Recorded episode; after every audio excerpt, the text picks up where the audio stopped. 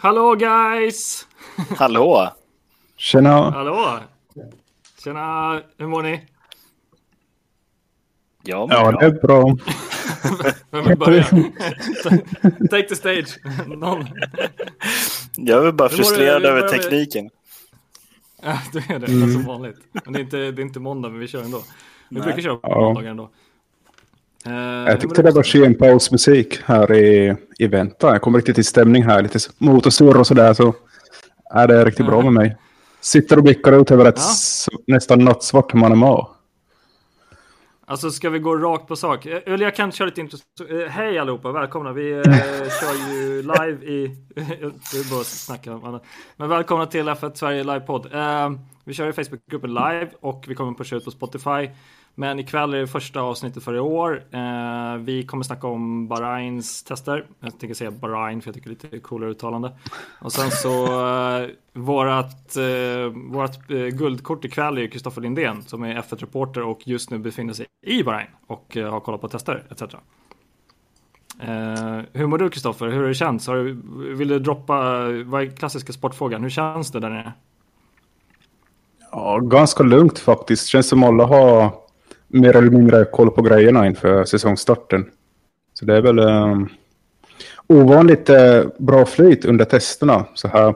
Vi kommer ju gå in lite mer på, i detalj stall för stall tänker jag. Men uh, överlag känslan är ju två eller tre gånger någon som har tvingats stanna på banan. Det är ju väldigt ovanligt för att vara försäsongstester att det är så här bra. Mm. Det, det där vill jag dyka in på. Jag har massa följdfrågor och eh, rants och kommentarer om det där med testerna i år. Men eh, det kommer bli sjukt kul. Eh, vi ska egentligen bara fokusera på det ikväll. Och ni som är med live och kollar live i Facebookgruppen och eh, eh, ni har ju möjlighet att kommentera på tråden i eventet. Så att om ni har frågor eller någonting som ni vill ta upp eller kommentera eller bara reagerar så gör det. Så vi kommer se det i lobbyn så kan vi ta upp dem i, i vyn och så kan vi spinna vidare lite på de frågorna. Så att det blir lite interaktivt så att vi har folk som är med och kollar live. Jag har redan 12 stycken som kikar, det är askul. Um, men jag måste spinna vidare på det lite som det som du sa Kristoffer att det är två stycken, två, tre stycken rödflaggor och mig veterligen har det aldrig varit en så stabil testperiod som, som i år. Eller hur? Stämmer ganska bra Martin. Ehm, jag tror det beror på att eh, det är ju en väldigt... Eh, alla bilar i år är ju som en utveckling på fjolårsbilen och det är ju inga liksom radikala ändringar på det tekniska reglementet. Det är ju dels det, plus att man har blivit tvingad att ha med tillförlitliga motorer och allting genom åren nu när man bara får använda 3-4 power units. Så grejerna måste ju hålla bättre än... Förr har man ju kunnat liksom vaska en motor eller 200 testerna, men det går ju inte längre. Så... Ja. Eh, ja, nej men det, jag tror du Jonas också snackar, vi snackade om det någon gång i, i podden att eh, på V8, V till V12, V10, V8-perioden så kunde man ju verkligen ha en kvalmotor i sin racemotor. Eh, men det kan man absolut inte numera och det, det har varit lite intressant att följa med. Vi ska inte hoppa in rakt på något team än, vi kanske ska ta lite team för team, men eh, just McLaren har jag sett eh, har haft lite utvecklingsmöjligheter om vi säger så. För jag, apropå det där med att motorerna är så pass stabila så har de kanske prioriterat annat just nu. Men eh, ja, det har varit, stört kul att, att följa med testerna och eh, eh det är lite intressant. Alltså man är, förra året var ju första nya eh, reglementet eh, 2022. Eh, då hade vi lite kaos i testerna och under hela eh, året. Men eh, nu ser det stabilt ut. Det var, det var faktiskt en av de tråkigaste testerna att följa med. För att det var, det var liksom ingenting som, inga kaoser som hände. Eller upplevde du någonting på plats, plats som var lite kaosigt?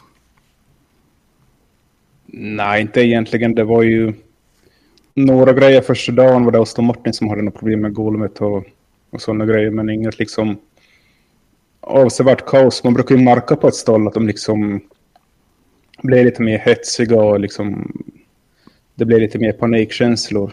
Men eh, det är väl, som jag säger igen, det är ju överlag känsla att det har varit väldigt lugnt bland- stallen. De, de har kunnat göra sina testprogram utan något större problem.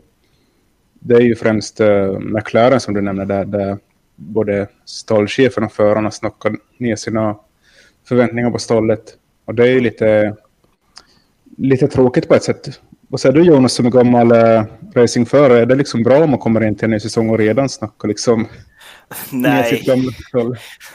Nej, just det där när man tittar på för, försäsongstesterna och man inser att man, eh, man inte har gjort eh, hemläxan lika bra som de andra teamen. Eller förmodligen, alltså, i McLaren-läget tror jag att de har gjort en riktigt bra vinter. Jag tror att de är ganska nöjda med vad de har gjort. Och sen när de kommer till försäsongstesterna så inser man att konkurrenterna har gjort ett ännu bättre jobb. Um, och det är ju aldrig bra i början av en säsong att gå till sina sponsorer och säga hörni, vi hoppades ju på det här och här och här, men verkligheten verkar vara det här. Um, och alla event som man har planerat under hela året och kanske något event man har sett fram emot att göra fler pallplaceringar för, för McLaren, för det har de ju lyckats med förut. Ehm, och det blir otroligt roligt för både fans och, och även sponsorer och gäster som är på plats då och, och se Eh, sin bil eh, på pallen. Eh, och när man nu börjar liksom markera redan i försäsongen att hörni, det, det, det, här, eh, det här vet vi inte någonting om. Ehm, det signalerar ju också utåt att ehm, jag tror inte att man har hittat varför man är långsam heller. Vad man behöver jobba på. Ehm, eller så är det ekonomin som man redan nu kan säga att vi har haft för lite pengar. Vi... Men det vet jag inte. Jag, jag har inte den insynen. Ja, mm. ja men det är som du säger Jonas. Eh, det är, väl, det är inte så kul för sponsorerna heller. Och McLaren som har flest sponsorer av alla i Formel 1. Vad ska de tänka liksom? Har vi bara baskat våra pengar på, på en bil och det inte blev något? Ungefär. Det är ja, inte liksom schysst tycker jag heller. Lite positivt kommer ju ändå vara. Jo, nej men precis. På ett sätt så är det också bra att vara ärlig istället för att man blir den här... Oh, eh, ta eh, till exempel Ferrari under Red Bull-tiden, liksom bara var tog de vägen någonstans? Och inför varje säsong, bara, den här säsongen kommer vi vara med och slå, slåss mot Red Bull och så var man inte ens i närheten. Eh, då är det nog bättre att gå ut och säga det redan nu, att hörni, vi, vi kommer kämpa i år och vi kommer vara underdogs. Eh, följ med oss på den resan istället, så att man liksom bygger förväntningarna och sen så levererar efter dem. Och det är alltid bättre att slå förväntningarna än, eh, eh än att misslyckas med att göra det, så att säga. Mm. Mm. Medan vi pratar om antal sponsorer så drar jag upp bilder samtidigt så får vi få se lite antal sponsorer per team. Eh, ursäkta ni som lyssnar på Spotify, men eh, det är en anledning att kolla live. Men här ser vi att McLaren har 42 sponsorer och minsta teamet är Haas och har 13 sponsorer. Eh, det, jag eh, kom, jobbat en del, jobbar i techvärlden och eh, vet ibland sponsorer och investerare, det är ganska mycket same same. Ehm, det är en relation du måste ha till någon typ av företag så där de ska bli nöjda med sin investering. Om du är McLaren och har 42 stycken olika relationer som du måste underhålla eh, och leverera emot. Det blir ganska mycket jobbigare jämfört med Haas som har 13 stycken. Så det är mm. otroligt mycket mer jobb.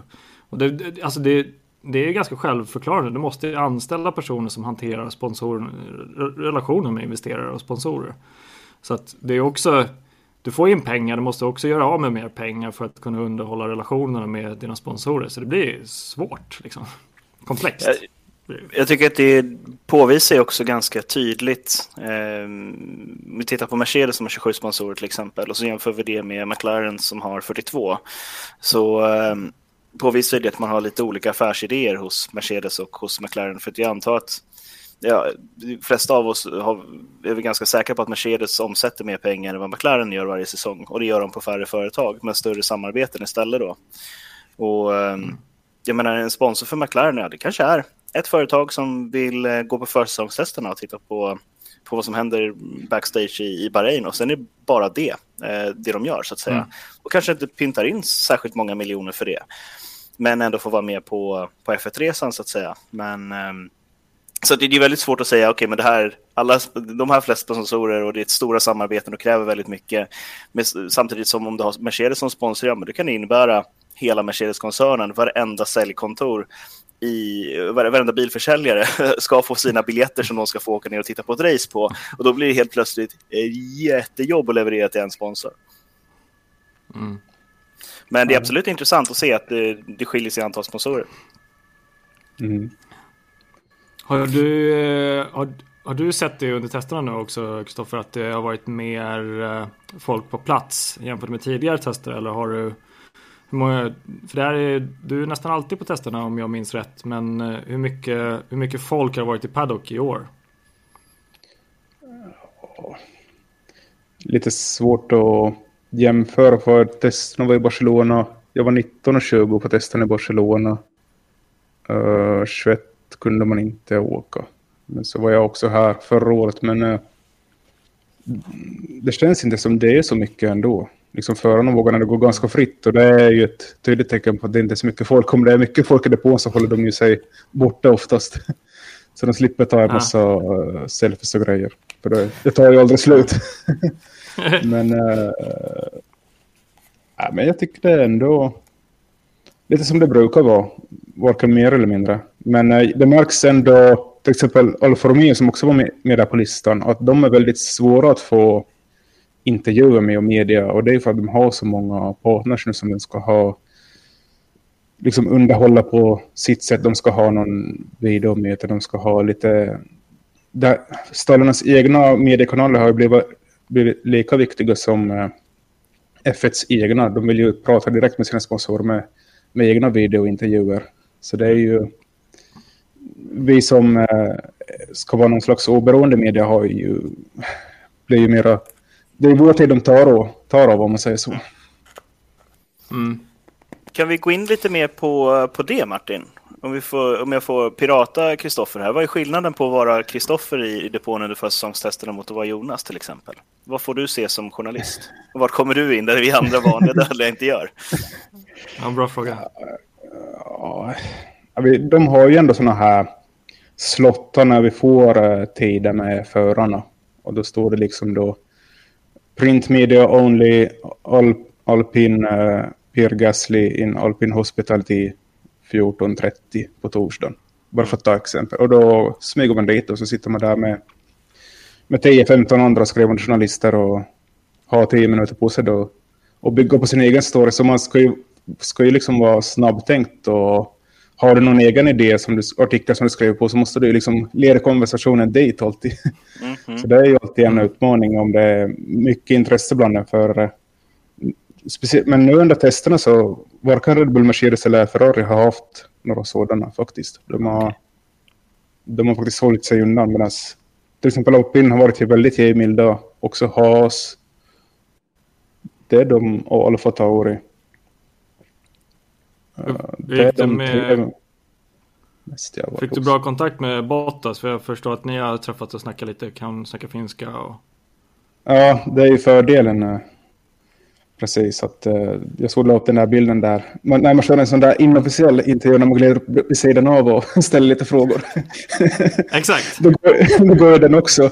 Det är ganska bra. Mm. De vill inte alltid svara på mm. det, men som du säger, jag har fått en bättre relation med Bottas nu senaste året tycker jag. Och, så han vet liksom vem jag skriver för och, och jag är från Finland och sådär. Så det, det blir ju alltid lättare då. Det är det som tycker jag är det svåra, om man inte är närvarande, att de är lite skeptiska om det kommer ett nytt ansikte och vad är det här för idiot, vill han skriva något skit om mig ungefär. mm, mm. Att man måste ju liksom bygga på den här relationen och det är därför jag värderar att vara på plats alltid. Att, uh, mm. Jag tycker det är väldigt svårt att rapportera om en sport om man inte är på plats. Då är man ju så låst till det som andra skriver också. Just det. Och det, och det är det, det man lite... Ja. Och det är det man är lite rädd också. Om, eh, om F1 skulle liksom dra ner på de här oberoende media och bara liksom pusha sina egna kanaler. För där har vi, ser vi ju Indycar och jag vet inte Nascar, där är Jonas bättre på, men Indycar så finns det inte så många liksom allmänna tidningar och så här som bevakar sporten. Det är ju mest i Formel 1 det finns det här mm stora intresset från dagstidningar, det är motorsportmagasin, det är radiokanaler, det är allt möjligt och jag tror om vi skulle bara bli matade det som Stallen och F1 vill ge oss så skulle det inte vara lika intressant heller. Jag tror det är en viktig del av F1 att ha kvar de här utomstående medierna. Mm. Tittar man på Nascar så finns det fyra, fem stora eh, medier som, som övervakar Nascar egentligen. Eh, och förutom Fox och eh, MSNBC så, så äger Nascar de andra tre, fyra då.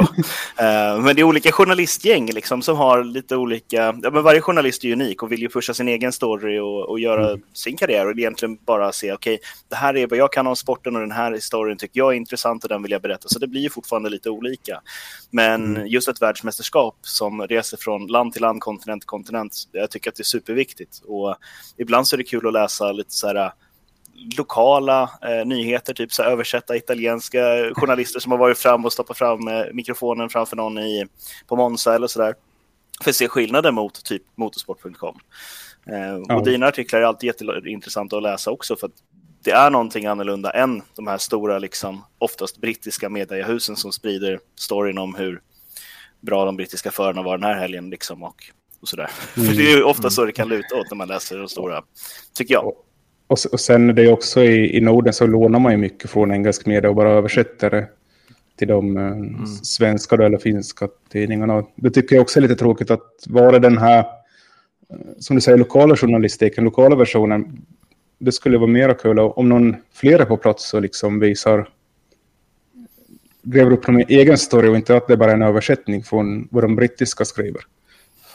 Mm. Jag vet inte hur kontroversiell och hur mycket jag får, får peka finger här, men alltså det, det, märks väldigt tydligt så här när du öppnar någon av de stora sportrelationernas eh, artiklar i Sverige och så, så enligt motorsport.com så bara, jag har redan läst den artikeln så jag behöver inte läsa vad du skriver för du var inte där och du har inte varit på någon tävling Nej. heller i Sverige så du har ingen koll på hur den här branschen fungerar. Ja, men förlåt om jag är sådär, men det, ja. det är lite så jag känner. Ja. Um, Nej men det är humble, jag tycker vi ska göra humble self-promotion till Kristoffer och genom att kolla på dina artiklar och läsa och klicka på dem. För det är liksom ett levebröd och det är, när du är där så har du en bättre insight än, än reproducerade. Mm. Ja, absolut.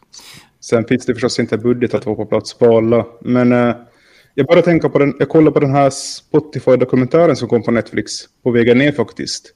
Jag minns det här med att de ville släppa det online och allting och det det börjar bli lite samma sak inom journalistik eller media generellt. att uh, Det finns så mycket gratisalternativ idag så ingen vill ju betala för Nej. tidningar längre. Nej. Så det är lite... Det är därför... Och då måste man ju bli som någon slags uh, superstjärna, men musik, uh, liksom en journalist är inte lika häftigt som en musiker. Så jag vet inte vad man ska hitta på. vi försöker göra, skapa en scen i alla fall med gruppen, så vi kan stå på den scenen. ja, vad heter det? Exakt. Ja, vi, vi ska äh, egentligen, vi har redan snackat i 20 minuter om saker, men vi, vi ska egentligen, äh, innan vi bryter in på, på lite, kolla på äh, teamen, snacka lite om teamen, så måste jag ändå fråga. Bottas har ju blivit lite av en stjärna, alltså till och med Toto Wolf går fram till honom och säger att han är hans eh, favoritporrstjärna. Eh, så att eh, Bottas har ju blivit en en eh, profil som nästan börjar ta över Daniel Ricciardos skor och efter tiden han, eh, efter hans tid i Mercedes i, i Alfa så har ju han eh, blommat ut och eh, han träffat en tjej och börjar bli en helt annan karaktär. Märks det på honom? Vet han det att han är lite annan fokus på honom eller? Ja, han är ju han är väldigt rolig Bottas fast man inte kanske man får den bilden av honom. Sen så var han ju en väldigt utsatt situation i Mercedes. Han mådde inte så bra där rent fysiskt och sådär. Och hans ex sa ju åt honom en gång att han, han var inte sig själv längre. Jag tror det var säsongen 2019 eller någonting. Mm. Så det blev ju ändå väldigt många... Det var därför de här Bottas 2.0, 3.0 kom. För att liksom bygga upp sig själv igen. Men jag tror de får den här friheten mer i Alfa Romeo. De vill ju pusha förarnas personlighet mer oberoende vad de har för personlighet. Jag tror Mercedes är mer det här liksom företags och lite Tyskland där vi ska vara liksom ett officiellt företag, representera ett riktigt varumärke mm. medan Alfa Romeo som egentligen är Sauber, då, de, där får de vara lite mer lättsamma oberoende av personlighet. Jag måste spinna vidare på en sak där. Eh, eh, Merca, Red Bull, Ferrari får ju väldigt mycket fokus för att de är de teamen. Eh, andra team som till exempel Haas, eh, Alfa Romeo, eh, de mindre teamen eh, har ju en jättestor möjlighet som du säger, alltså att låta de här personerna bli större profiler i media och spela ut sin, vad ska man säga, karaktär. Det har alltid funnits det i F1. Alltså vi har haft karaktärer som vi har följt ibland. Alltså jag tänker på Hunt och Lauda och allihopa. Det är karaktärer som vi har liksom blivit fans av. Jag tror man nästan gör en reinvent på det. Om, upp, uppfinner hjulet igen med de här karaktärerna igen. Med Bottas och eh, eh, Yuki Tsunoda har också fått mycket fokus och alla de här karaktärerna börjar komma igen på något sätt. Och det är ju ett sätt att om man inte kan vinna massa race så är det ett sätt att skapa publicitet för sina sponsorer. Att man har stora karaktärer som faktiskt bär upp varumärket. Eh, håller du med om den reflektionen? Har du sett något liknande? Eller ni? Ja, om jag ska börja så tycker jag verkligen det är det man försöker. Dels genom dra, vissa gör ju det genom Drive to Survive. Som Steiner har ju blivit mm. en enorm karaktär. som Han har ju ändå hängt jättelänge i F1-depån och han var ju, när jag fanns i F1 var ju med där. Men det var ju först tack vare Netflix som hans... Eh, han fick liksom en plattform där han fick visa sin personlighet. Mm. Fast han har varit den här greniga italienaren ganska länge ändå. Bara att ingen har fattat att det här är guld värt. Och uh, mm. lite samma med Sunoda som är en väldigt... Han får ju också mycket tid där. Och uh, ja, sen, uh, sen finns det ju... Jag vet inte, är det någon som ni känner är så här lite blek bland? Jag kan, jag kan bära den åsikten. Stroll är jätteblek, eh, tycker jag. Han är ju typ aldrig ute med det eller någonting. Han är ju, vad jag har erfarit också, så har jag hört kommentarer kring att han är väldigt svår att intervjua. Det är liksom bara som att man får ja och nej svar typ. Eh, så att det är nog den personen. Och det är, spinner vidare på lite det. Vettel har ju fått, eh, borde fått mer fokus i Drive to Survive. Vi kanske ska snacka lite Drive to Survive någon gång också, kanske nu. Uh, men uh, Vettel har ju fått för lite, tycker jag, fokus i Drive to Survive och uh, sena, senaste tiden. Så han har ju nästan, på grund av hans engagemang utanför sporten med uh, miljöfrågor och etiska frågor så har ju han också tagit på sig den här lite liksom profileringen utanför F1. Så det tycker jag. Men Stroll är väl den personen som jag har, han fick ju, var han ens intervjuad av Drive to Survive? Jag kommer inte ihåg. Eh, och det talar ju för att um, vissa profiler inte har eh, tagit på sig tröjan av att leverera karaktärer alla ja, vi ska säga, Schumacher var också en karaktär, alltså Michael Schumacher. Eh, så att, ja, det är lite intressant hur vissa personer bara flödar undan mediebruset eh, för att de kanske inte vill eller kanske inte har lust att, eller vill vara personer liksom på det sättet.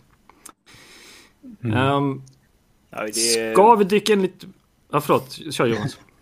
Nej, men eh, tittar vi...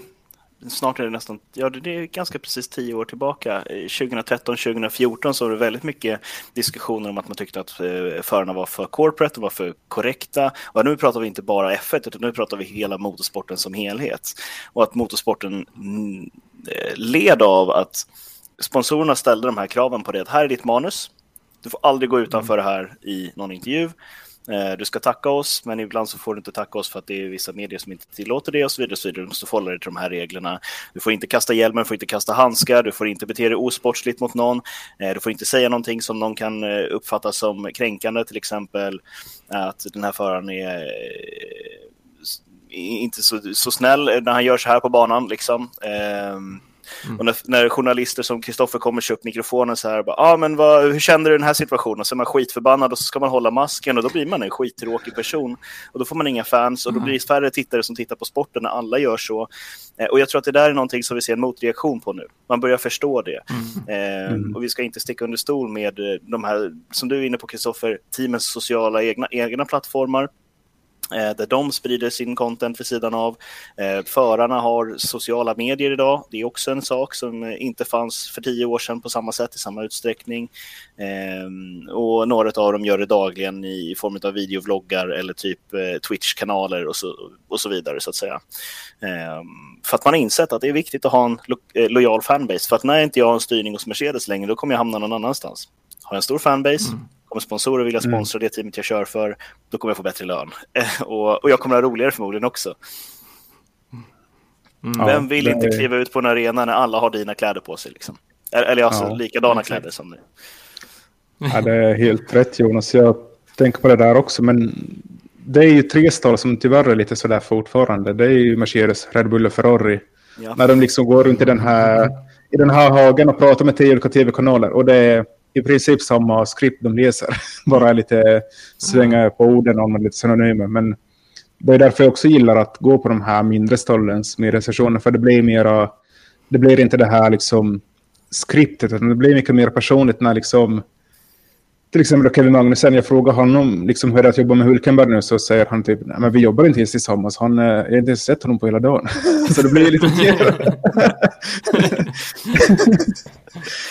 det blir inte det, det, här liksom, ja men han är en jättebra liksom, förare och bla bla bla, utan ni hör själva att han mm, vågar ja, säga liksom, hur verkligheten är.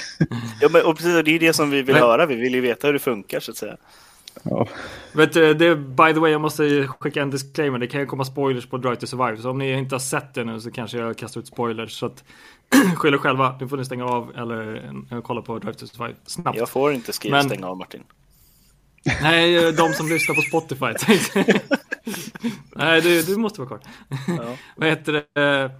Nej, men... Eh... Günther Steiner har dragit mer one-liners i Drive to Survive. Eh, han drog i 2022 nu, det som har kommit ut, sa han eh, my, jag kan inte citera exakt, men my drivers would have fucked everybody for two points last season eller någonting. Och så, så, så säger, alltså hans, hans så, så eh, han som intervjuar honom säger ja, oh, excuses about the F-bomb, uh, we have to uh, correct that, bla bla bla. Och så säger hans assistent bara, eller Günther säger till sin assistent, vad sa jag nu? Sa jag en F-bomb? Så han, han har inte koll på vad han säger riktigt. Så han, vad, vad sa du egentligen? I would like to make out with everybody. så, uh, kiss eller make out. Ja, det var lite kul. Um, så det kommer, jag tror, apropå Hilkenberg och eh, Kevin så drog de också någon kommentar att eh, det var någonting om balls också som Kevin sa att nu, nu kan vi fortsätta med det där. Jag, jag tycker lite under bältet, alltså det är så här, under bältet humor i Formel 1. Jag vet, jag är lite skeptisk till det, det är många som gillar det, men eh, det är ändå lite kul när de har jargongen mellan Hulkenberg och Kevin på det sättet. Mm. Um, vi fick en uh, fråga från en uh, som tittar live. Ska vi köra ut den? Mm. Absolut. Det är intressant. Bam, bam, bam. Hur går diskussionerna på plats för att utöka fler team i framtiden? Har du, har du en spaning på det, Kristoffer? Ja, det har ju varit lite hett om det där innan säsongen började. Och de har ju öppnat en formell eh, ansökningsprocess nu då för att man kan ansöka om en plats till F1 att det skulle komma, bli ett elfte stall nu då 20. Jag tror 2025 är tidigast det skulle kunna bli ett elfte stall. Men eh, nu läckte det ju ut här att eh, Alfa Tauri är till salu till sjuka summor pengar mm. eftersom den nya Red Bull-ledningen anser att eh, marknadsvärdet eh, liksom de får inte ut pengarna i marknadsföring jämfört med vad det kostar att hålla igång det där Alfa Tauri-stallet. Så mm. Det finns ju många intressenter där. Ja, det är inte liksom officiellt. De har satt ut en, en annons, men eh, det var tysk. det var tyska Motorsport som har liksom fått fram det här citatet. Då. Men eh, de har ju säkert vetat av det en längre tid och jag tänkte redan när de bytte någon från Toro Rosso till Alfa Tauri, redan där tror jag att de insåg att de måste på något sätt pusha det här. De måste få mer nytta av att ha två stall, för det är inga inga billiga grejer att ha. Men uh, speciellt, mm. men nu är det ju det är ju säljarens marknad just nu på F1-stall. Fast allt mm. annat går upp i pris. Mm. så det är väl... De ser väl sin chans att casha in för alla år de har lagt på det där stallet också. Det är, mm. Jag antar att att ha team som, som vinner VM, eh, den affären går ihop. För det är en exponentiell skala hur mycket marknadsföring du får, ju, ju bättre det går så att säga. I regel mm. så är det så i alla fall. Men och just att ha ett team som är där Alfa Tauri är någonstans i mittsegmentet och ni får rätta mig om jag har fel nu, men har man inte lite samma mentalitet för förupplägget i, i Alfa Tauri som man har i Red Bull, att man vill ha dem som är så snabba som möjligt som man har råd med just på den nivån lite grann. Um, min tes är i alla fall att de andra teamen på den storleken, de har profiler som de jobbar med som syns väldigt mycket, där man får liksom andra intressekanaler in till, till teamet med eh, fler tittare och sponsorintressen och sådana saker. Men här binder man upp sig till att ha snabba förare som inte är snabba ännu, men kanske blir snabba i framtiden. Mm. Mm. Ja, så tror jag också man har sett det här att det finns andra sätt att få in sina unga förare än att ha det här egna stallet också. Mm. Så jag tror idé idén med stallet var från början att just det här lotsa unga förare med en, med en race-sits. Det är ju det som har varit utmaningen för andra, till exempel alpin, att få in sina egna juniorförare och därför tappar de till konkurrenter då. Så det... Men till exempel Albon kör ju för Williams nu och fortfarande kopplad till Red Bull. Så det, de ser väl att eh, hellre att de betalar för en plats då och inte binder det här kapitalet till att hålla igång en, ett helt stall. Mm. Jag tror det är kanske billigare lösningen i längden. Lite tråkigt mm. dock, för de har ju sex stycken juniorer nu i Formel 2 just nu. Och för dem så försvinner ju riktigt, riktiga möjligheter att komma till F1 någon gång om det blir det här. Mm. Då, ska det, då ska det finnas andra sätt för dem att komma in istället. Så det är ju det blir intressant att se. Jag tror Red Bull kanske lämnar som sponsor eller något på de nya ägarna. Eller, ja, beror på vem det blir och liksom hur deras deal ser ut sen. Jag tror de också är kanske lite avundsjuka på Sauber som har sålt eh, till eh, Audi och sett den summan och börjar bli så här, ja men kan vi få in den summan från ett annat externt bolag som är VAG-gruppen eller Toyota-gruppen så skulle det ju faktiskt börja bli intressant att sälja det teamet för det är mycket pengar in och som du säger att om du ska ha ett eget team och bara underhålla den budgeten själv versus sälja av det till någon som har en större backup. Eh, för att jag tror Red Bull kanske har, eh, har lite mer alltså är jag Red Bull så skulle jag ju lägga korten eh, på ett team eller budgeten på ett team och försöka maximera det och knyta upp juniorförare i andra satellitteam. Så att du kan säkra din eh, förar, eh, förarpool, förarpipeline. Men du slipper underhålla ett helt team, en hel budget och ansvara för den, det teamets förluster också. För att om du bara knyter upp en förare då är det, det är ingen förluster på det ut, utöver att du måste konkurrera med andra kontrakt. Liksom.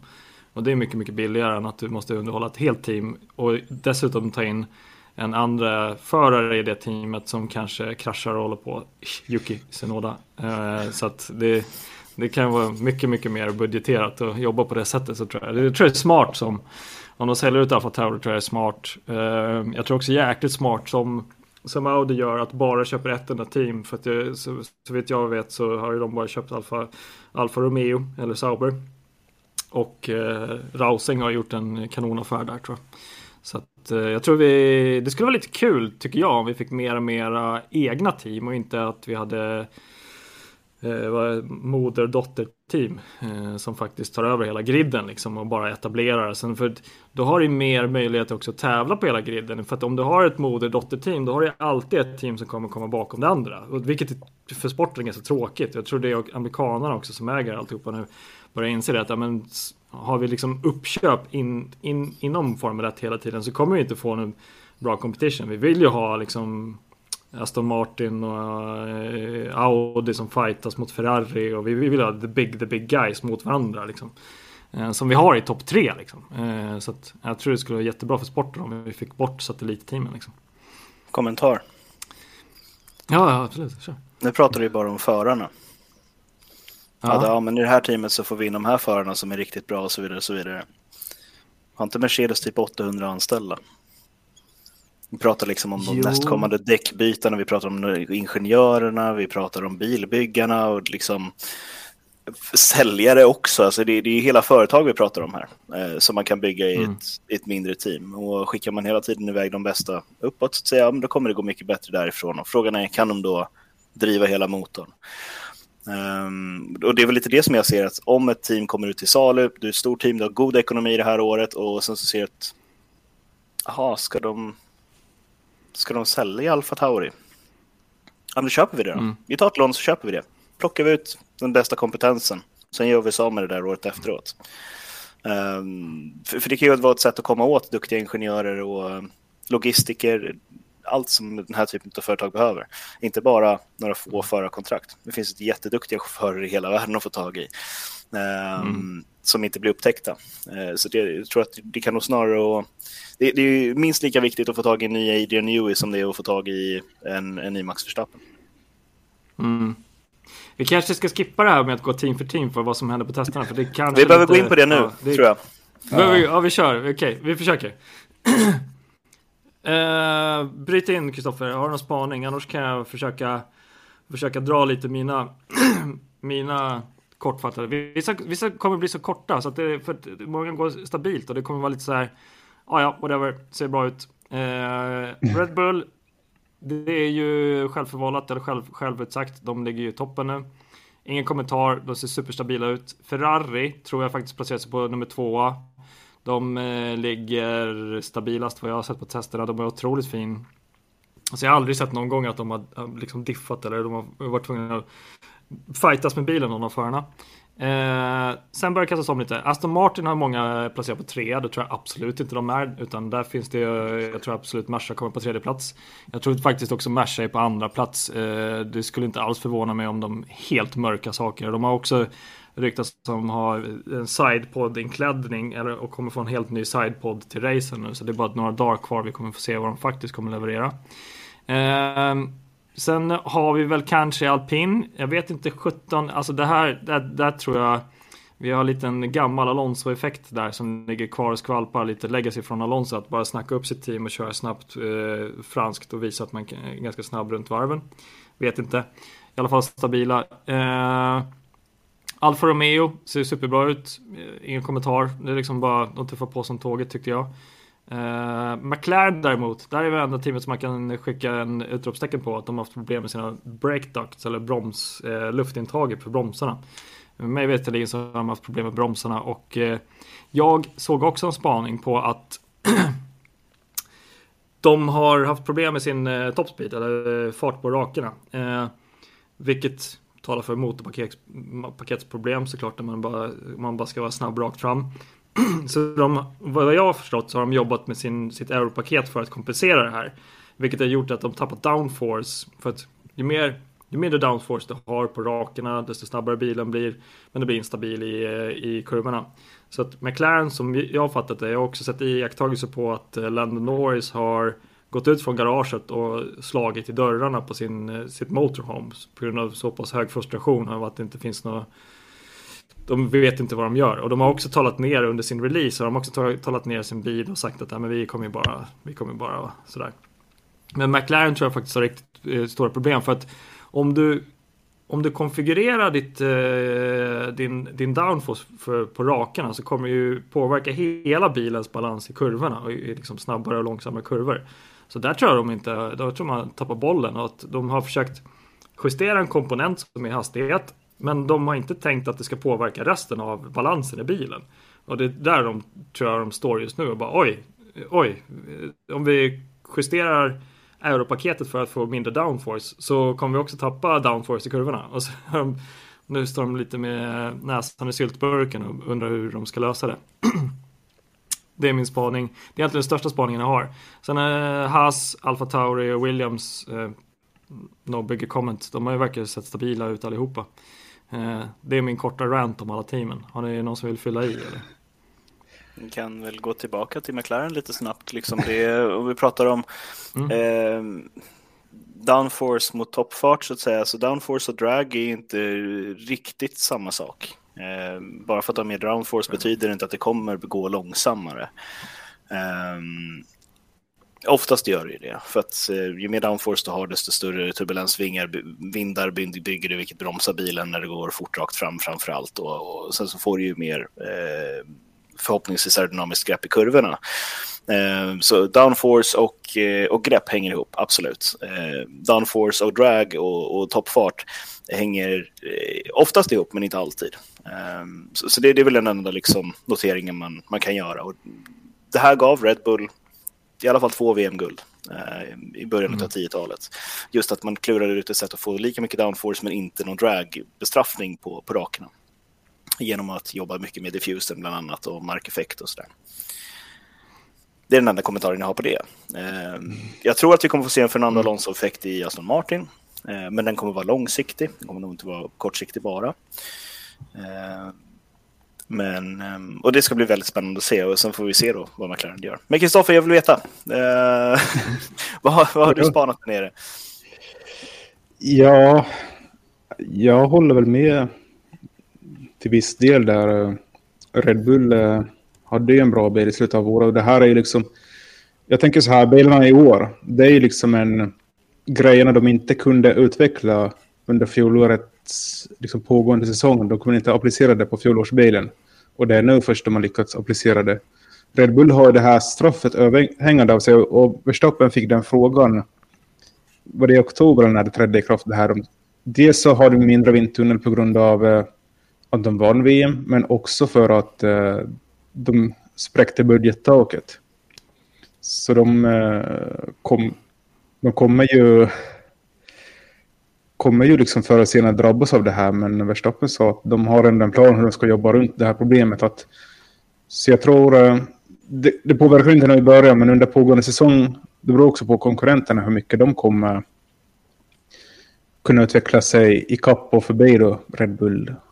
Det är liksom, man vet inte var, liksom hur långt alla har kommit om man ska försöka göra ett stapeldiagram. Liksom, hur nära är alla sin fulla potential? Det är ju det som vi inte vet och vi kommer få se det först på lördagen när kvalet är. Om inte ens då. Dels det. Mm, det som också intresserar är att alla, förutom Ferrari, Mercedes och Haas, eh, resten så vill ju efterlikna Red Bulls koncept. Och så, så fort du går in på den banan och vill efterlikna Red, en annan bil så då blir det svårt att utveckla sig förbi en konkurrent tror jag. Eftersom Red Bull kommer alltid ha mer data på det konceptet som de härmar sen. Och det, det tror jag är Ferrari och Mercedes eh, enda chans också om de ska kunna slåss, att de måste leta på sitt eget koncept. Ferrari har ju fixat sin tillförlitlighet säger de, men de verkar ändå skicka däck nu på, på längre race-distanser, tyvärr. Men jag tror de kommer vara bra i kval fortfarande nu, när de kan köra motorn på max, för de var ju tvungna att skruva ner motorn under fjolåret, misstänker jag, för att den gick ju sönder för ofta i början, första halvan av säsongen. Mercedes vet jag inte vad som har hänt, för de hade ju en bra bil i slutet av året, så jag, lite mystiskt vad de... Men liksom George- Russell säger också att ja, vi tror att vi har en bil vi kan slåss om VM med, men inte nästa vecka, alltså nu till helgen. Och Lewis Hamilton säger att bilen är liksom fruktansvärd, så jag blir lite... Varför säger han det? Liksom, eh, är det för att uh, dämpa förväntningarna eller vad? Så det...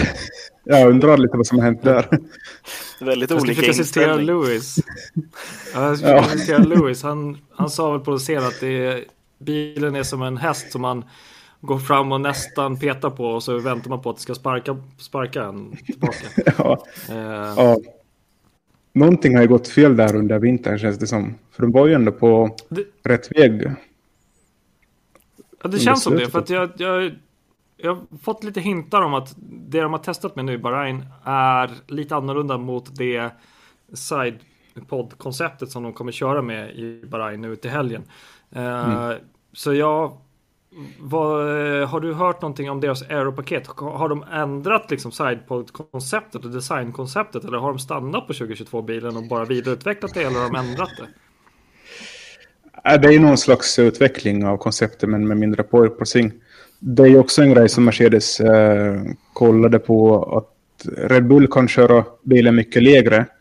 Men om Mercedes skulle köra bilen lika lågt så skulle det inte alls fungera. Då skulle den börja studsa igen. Så Mm. det är väl också liksom en stor skillnad där. Uh, Aston Martin som, som har ju... De började ju sitt koncept redan i Barcelona förra året genom att börja kopiera Red Bull.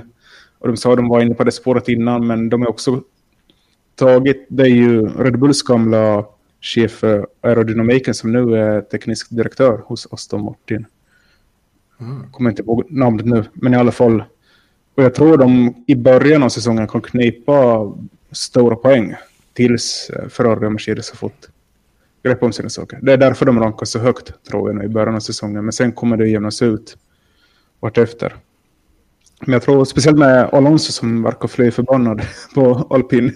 Han tyckte ju alpin var en liksom, ja, marknadsföringsövning. Lite bara att det viktigaste alpin är bara med. De verkar inte ha någon hunger att vinna. Så det... okay. ja, ja. Men alpin som du säger, då, alpin kommer i alla fall med lite nya grejer på bilen.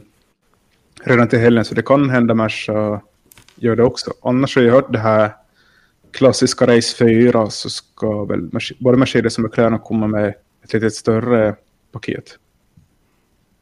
Det där med Race 4 har jag hört för, förut, jag eh, kommer inte ihåg vad, det, vad racet heter, men eh, att man nästan på något sätt Alltså jag jobbar inom tech och där är continuous deployment en sak som man alltid använder sig av för att eh, konstant utveckla sina produkter eller sina tjänster.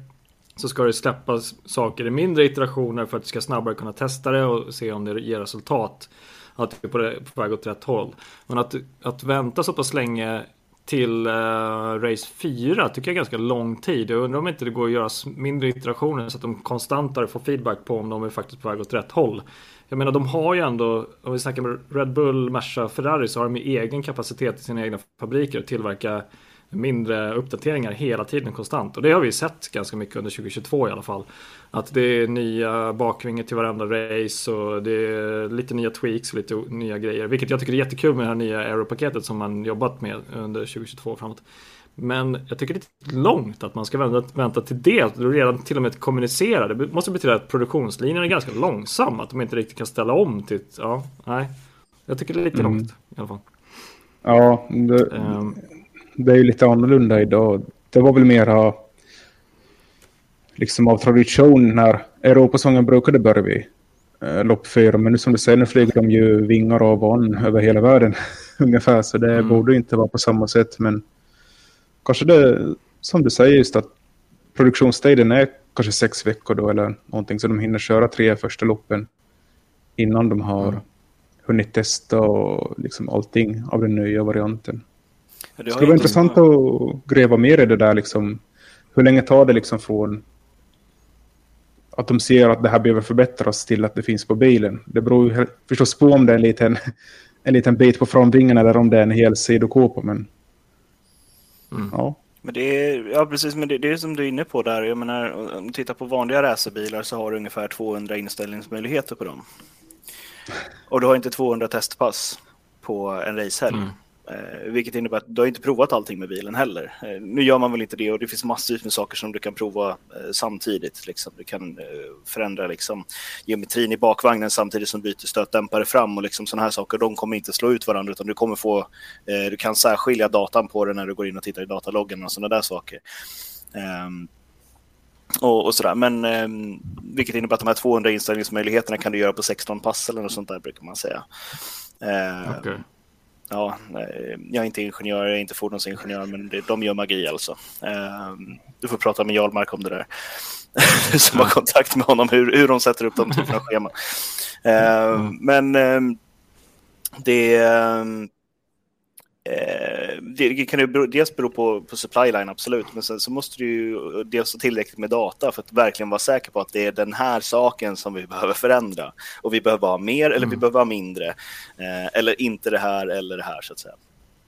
Men sen så tror jag att det sker väl en, eh, det finns väl en arbetsgrupp som, som redan nu egentligen på, på Mercedes börjar titta på, okej, okay, hur minskar vi eh, motståndet på våra sidepods liksom? eller den här framvingen, ja men den ger oss tillräckligt med styrning, men vi kan komma åt det mekaniskt också, så hur skulle vi kunna göra för att komma undan lite motstånd?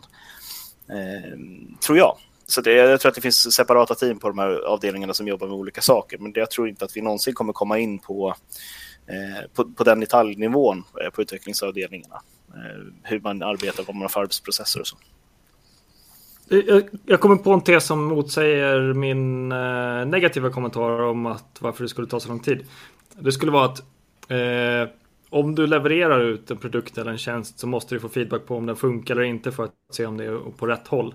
Jag funderar och spekulerar nu i att hur banorna kommer se ut fram till den fjärde banan eller om, om sex veckor. Att man kanske inte har möjligheter att testa för att du kan inte testa på något sätt förutom att köra på riktigt. Liksom. Du, har inga, du har inga egna tester. Och testa vindtunnel begränsat. Eh, CFD, alltså Computer Flow Dynamics tror jag heter. Det mm. är ju också till viss del begränsat. Du kan inte heller testa det och liksom modellera saker i dator är inte samma sak som att testa det faktiskt live på riktigt. Så att därför kanske det finns en ganska lång diskrepanstid tills att du faktiskt kan komma ut med dina tester, dina nya paket och faktiskt testa det live på, på tester. Du kan inte heller testa på ett race, så att du kan inte bara dra upp sakerna nu inför den här, efter det här testet bara så kommer man inte ha eh, man kommer ju testa det man har velat testa med senast på ett race. Så att du kommer ju inte jump the gun på något sätt och testa iteration nummer tre istället för att du har varit på ettan. Liksom. Så det är kanske därför det tar tid att hitta rätt, eh, rätt bana innan du kan testa dina grejer och faktiskt det är kanske därför det tar eh, till fjärde racet innan vi kommer ut med. Tittar vi på kalendern så börjar vi nu på Bahrain. Eh, och det, är en, det är en racerbana, jättefin anläggning. Sen har vi Saudi, vilket är lite mer stadsbaneaktigt. Samma sak med Australien. Sen har Azerbajdzjan som är race nummer fyra. Um, innan vi tar oss till, till Miami som också är ett stadsrace. Då. Eh, där beror ju väldigt mycket på också beroende på eh, bantyperna som man provar ut. Eh, Bahrain kommer skilja sig jättemycket från de andra banorna som, som kommer därefter då i race 2, 3, 4. Mm. Och sen är frågan hur mycket, Kristoffer har du eh, lagt märke till det? Hur mycket testar eh, förarna tillsammans med varandra? Hur mycket provar man bilen i smutsig luft? Är det bara köra själv eller? Uh, på försäsongstesterna har de tyvärr bara en bil var. Så det blir lite mm. svårt. Ah. En bil per stolj. Men uh, så... Men det är inga team men, som samverkar med varandra och är ute och provar med, mot varandra och sådär? Nej, inte direkt vad man har kunnat se i alla fall. Mm. Inte så att det är synligt i alla fall. Men man, förstås, de testar att köra i luften bakom varandra. Mm. Men jag tänker, jag tänker det är väl mer eh, det, det, är ju det här som ni pratar om, det är det man ofta gör på FB1 och FB2, man testar olika delar. Kanske på mm. olika, olika man kör med olika bakvingar och så här. Det har blivit, det har blivit liksom de nya testdagarna, fredagarna på mm. loppen. Mm. Så det är ju där det finns. Mm. Men som du säger, det är ju liksom fyra stadslopp efter premiären, så det kommer ju ta ända till Imola tills ja, vi kommer till en vanlig bana igen. Mm. Och det är maj det väl? Ja. ja. Och Imola och Bahrain är två helt olika bantyper kan jag argumentera för också. Ja. Uh, Imola mer klassisk mm. racerbana, Bahrain är en av de nyare uh, varianterna då. Uh, som mm. kommer mycket snabbare. Så det är... Um... Ah, det var svårt att bygga en F1-bil alltså. ja, exakt. Ja, det är inte lätt. Och, och, och, det, och det är där de värderar som de här juniorerna så mycket. Mick Schumacher, Ricciardo och de, gör ju, de har fått en väldigt mycket större roll. Just på grund av att det är mycket mindre testing. De sitter hemma i simulatorer och så här och testar olika inställningar och sånt också. Liksom, redan efter FP1 så sitter de i simulatorn ända fram till FP2 och sen nästan sitter ett dygn till FP3 för att hitta den bästa stappen åt förarna på banan. Så det är ju... Mm. Man använder ju alla hjälpmedel man kan för att hjälpa förarna på plats. Mm. Ja, det kommer bli sjukt intressant. Jag är så jäkla glad att säsongen äntligen är igång. Det var lite under testerna som man uh, såg bilarna igen och bara, oh, just det, nej men det här är ju kul. jag glömt, jag glömt att det här är jättekul. Och så börjar man kolla lite mer på sociala medier och så bara, oh, just det, det är roligt. Och varför ser de ut sådär? Uh, nej, det har varit uh, askul att följa testerna. Vad heter det? Vi har ju haft Drive to Survive igen. Jag har klämt, klämt alla tio avsnitten. Uh, jag kanske är den enda bland oss som har gjort det. Vadå? Commit, commitment. Och det som jag tyckte var intressant i Drive to Survive, jag ska inte, eftersom ni inte kanske sett alla lika mycket så kanske inte vi har mycket mycket djupanalys på det, men jag måste ändå nämna att uh, det är ute och jag tycker att det har varit ganska bra, ganska dåligt vissa saker. Storylines mellan avsnitten, de har ju varit som det var Eh, inte på första säsongen utan så som det var senaste säsongen. Storylinesen var liksom att man följt med vissa case. Liksom så här, nu ska vi följa med hur den här föraren har eh, tagit sig igenom den här problematiken. Och sen så har det pågått ett avsnitt och sen så har det det har varit ganska tråkigt för att man har sett jättemånga klipp på samma race återigen. Jag tror kraschen som var Silverstone eh, mellan Ja, vilka var det nu? Men jag har sett den så många gånger. Det var en krasch i början på Silverstone när eh, jag tror Max Verstappen eh, startade pole. Eh, Lewis Hamilton tog typ fyra stycken platser i starten. Han blev skitsur för att de gjorde någon... Det var en krasch och det var eh, Joe som kraschade och gjorde en stor flipp och åkte in i stängslet. Eh, den kraschen tror jag de gick igenom på två eller tre avsnitt och vad som hände från Joes eh, perspektiv och sen från Max perspektiv för han startar pole och sen så från eh, från eh, Lewis perspektiv lite för att han gjorde så bra start. Så det var lite fattigt på något sätt. Det var liksom okej okay, varför ska ni, det är ju jättemånga andra storylines som hände väldigt bra. Och någonting som jag tyckte var väldigt tråkigt, jag skrev till och med på Twitter om det och taggade Netflix. De har ju typ inte gjort någon fokus på Vettel. Det var ju typ så här två, tre minuter bara. Ja, ah, nu är alla som ska springa sista varvet. Vettel Vettel sa allt alla får haka på för det är hans sista race. Bla, bla, bla, bla.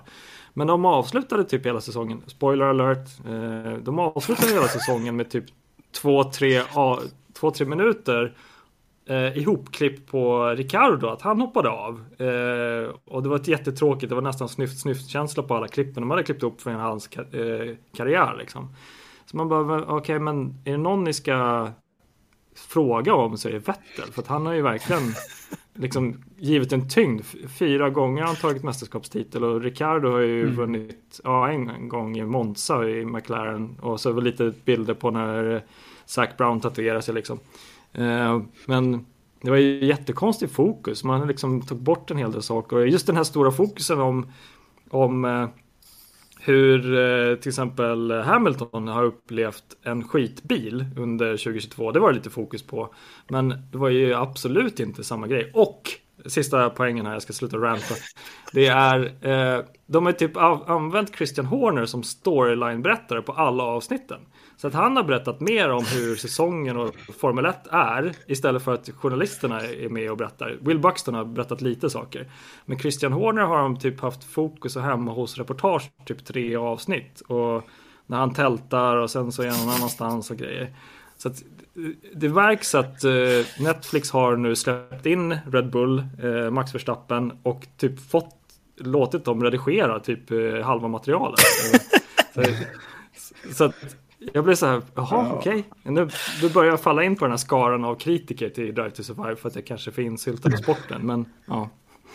Märkte du också en sak? Märkte du också att Alfa Romeo och dess förare nämns inte, inte en enda gång under alla tio avsnitt? Nej, jättekonstigt. De liksom glömde. Som har blivit ja. Ja. ja. ja.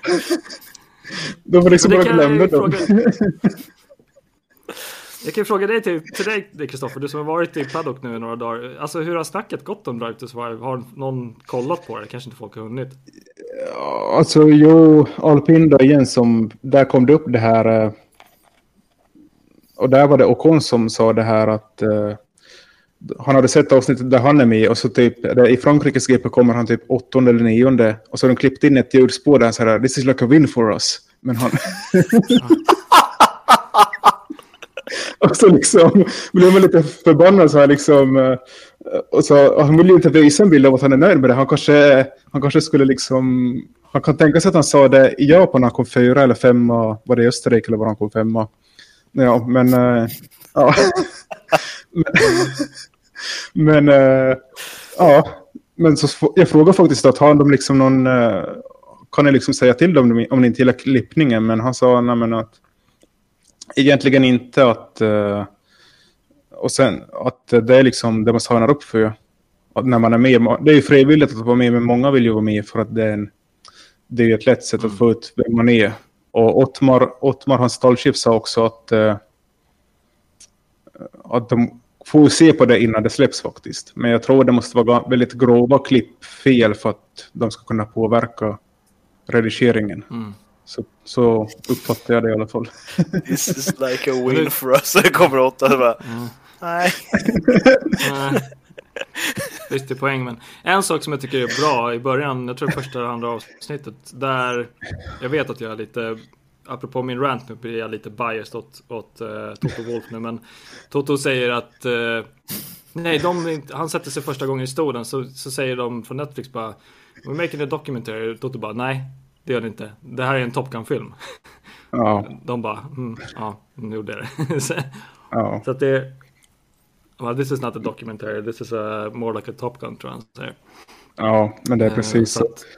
Jag har bara sett första avsnittet, men uh, jag gillar ändå klippningen så här, liksom hur de pratar lite om Magnusen och sen åker de, är det bilder från Danmark plötsligt när han liksom visar upp sin familj och sådär och samma med det här. Jag frågar faktiskt Steiner och Binotta när de har den här fina sidan de glider runt i en liten Fiat och dricker vin. Och det, var, det var inspelat i augusti faktiskt, så det är ju väldigt... Det är så det fungerar den här serien, att de har lite material då från början av säsongen och så ser de att här skulle det vara snyggt om vi om ni liksom åker och kör lite bil och myser med lite vinfl vindrickande. Mm.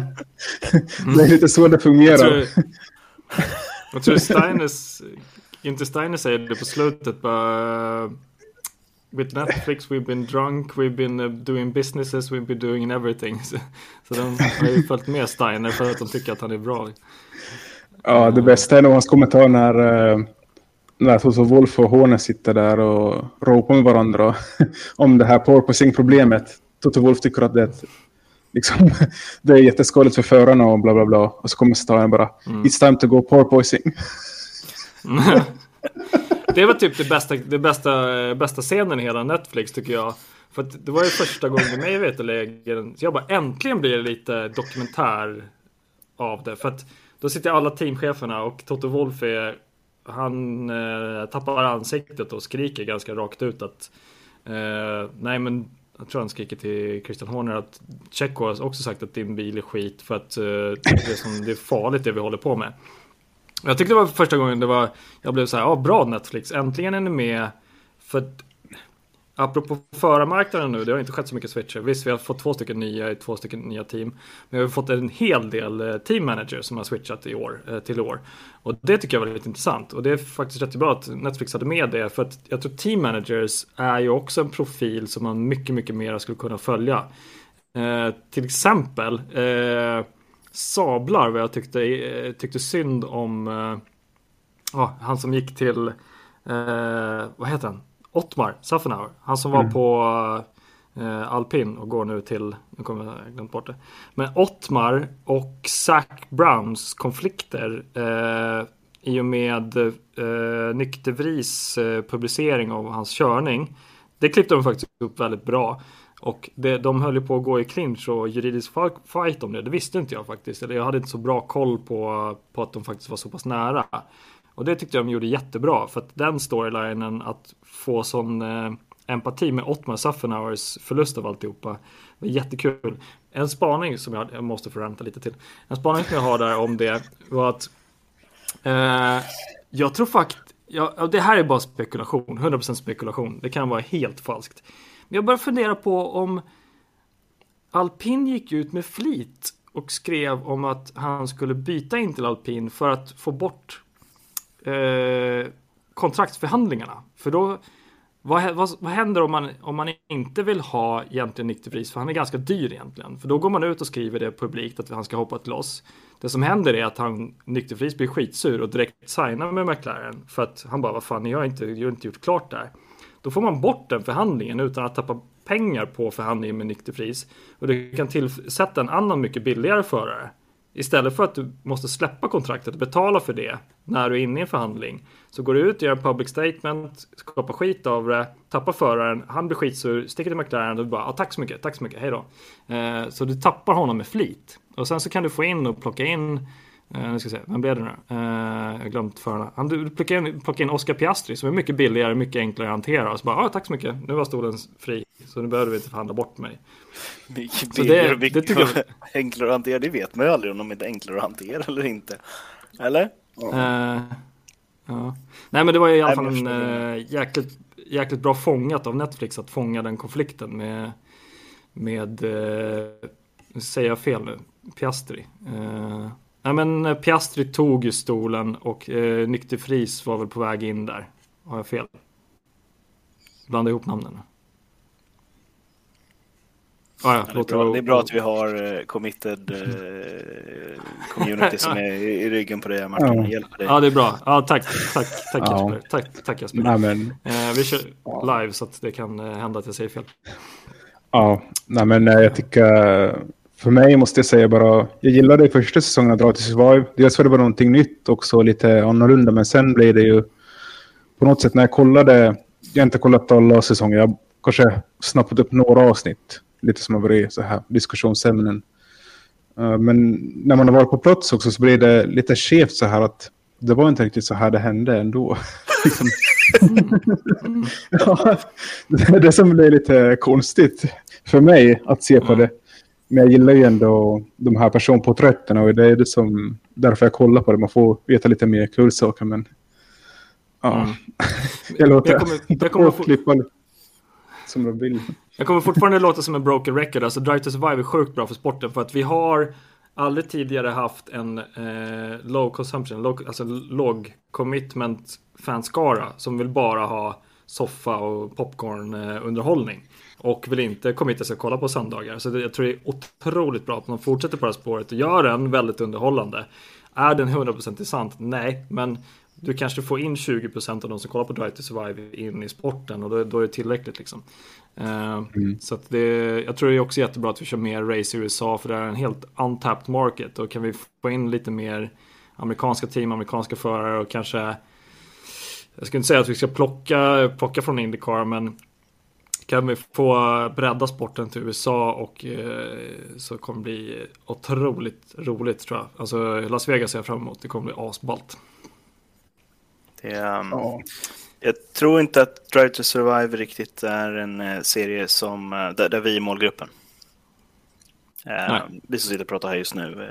jag tror inte att journalister är målgruppen. Jag tror inte att industrifolk är målgruppen. Jag tror inte att Ehm, de som har följt F1 i 30-40 år i målgruppen riktigt heller. Mm. Det är nog snarare att försöka komma ut till en ny målgrupp, Drive to Survive. Som du är inne på Martin, är, alla kommer inte åka, köpa biljetter och åka till, till F1. Det finns de som har gjort det. Mm. De mm. kommer aldrig sluta följa F1 tack vare att de fick upp ögonen för Drive to Survive. Um, för de har fått sin första inblick i vad som händer på baksidan av motorsport. Och det är jättesvårt att få den inblicken. Det har varit i mm. princip omöjligt om du inte har känt någon eller hängt på banorna. Och då mm. pratar vi inte att du har varit på ett race, utan du måste åka till flera race under samma säsong för att se att okej, okay, men de här, de här dynamikerna finns, så här gör man för att komma närmare och sådär. Uh, och det är jätteviktigt. Um, men, men å andra sidan så kan det också vara så att nej, men jag, följer, jag tittar inte på racen på söndagar, jag har inte ens kanalen när racen går. Jag kollar Drive to Survive och följer dem på sociala medier så får jag ut min fix av det. Och det hjälper förarna i deras egna plattformar. Det mm. hjälper teamen i deras plattformar, det hjälper sporten i sin helhet. I synnerhet idag när en, första, en sponsor frågar på ett sponsormöte hur många följare har du på det här sociala mediet, för det är där vi fokuserar. Och då kan det vara YouTube, Twitter, TikTok, whatever. Mm. Um, mm.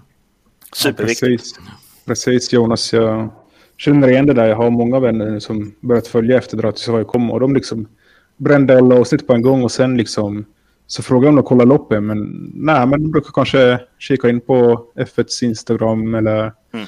kanske kollar in på hemsidan hur det går eller någonting men inte liksom att de sitter och från när träning 1 börjar till liksom kolla varenda livesänd timme, varenda minut. Det finns ju de också. De är ju också väldigt många och blivit fler men eh, jag tror det är mera som ni säger, att det blir mer ett, liksom ett household name det här med F1 igen. Och det är ju det, det är dit man vill komma. Och jag tror, som Martin säger, det finns... Eh, jag undrar ju när det här kommer liksom ta slut. För det... Jag läste lite, på, lite siffror här. Liksom globalt sett så var ju F1, de hade rekordmånga tittare säsongen 2008 som var den här dramatiska finalkampen mellan Hamilton och Massa. Mm. Då var man uppe på 800 miljoner visningar globalt över hela jorden.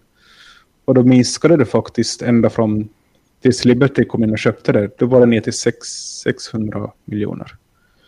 Men eh, förra året kom man upp, senaste siffrorna i alla fall, så är man uppe i 900. Och det kommer liksom bli mm. en biljon då om det fortsätter växa snart. Så det är rätt coolt. Men 2008 är också, mm. skulle jag säga, lite eh, en gränsbrygga. Eh, eller, eller en mm. brygga liksom för att hösten 2008 skaffade jag Facebook. Då hade Facebook funnits ett år. Så, att, jag tror att eh, sociala medierna börjar växa där också. Jag tror att det har haft en, en inverkan mm. i eh, att det har gått från den gamla traditionella medien till den nya sociala medien också. Och Liberty Media har gjort ett vansinnigt bra jobb.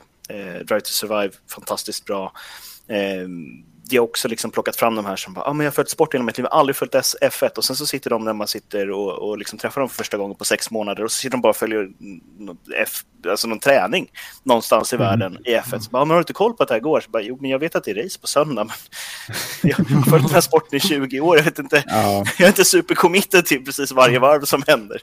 Mm. och speciellt uh, USA som ni säger där, där ligger ju tittarsiffrorna kring en miljon. Vissa lopp så har du mer tittare på F1 än på Indycar. Mm. Men, eh, och Nascar ligger väl kring är det 3-4 miljoner per race, kanske 5 mm. miljoner på Daytona. Mm. Och, det, och USA var det 70, är det 70 miljoner som bor där? Jag vet inte faktiskt. Det är 320 miljoner människor. Ja, ah, okej. Okay. Så mycket mer. Ja, men det... det är UK som är 70. Okej, okay. nåja. Mm. Shit samma. Så men det, ni 320 miljoner så ni ser ju att det finns ju enormt stora marknadsandelar att ta där.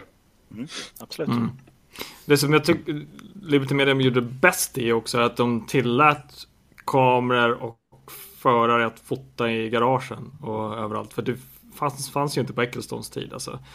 Jag har bara tittat på Drive to Survive och alla grejer som man ser inifrån garagen. Att du, har, liksom, du kan och filma alla kändisar som står där. Tom Cruise står där inne och kollar liksom.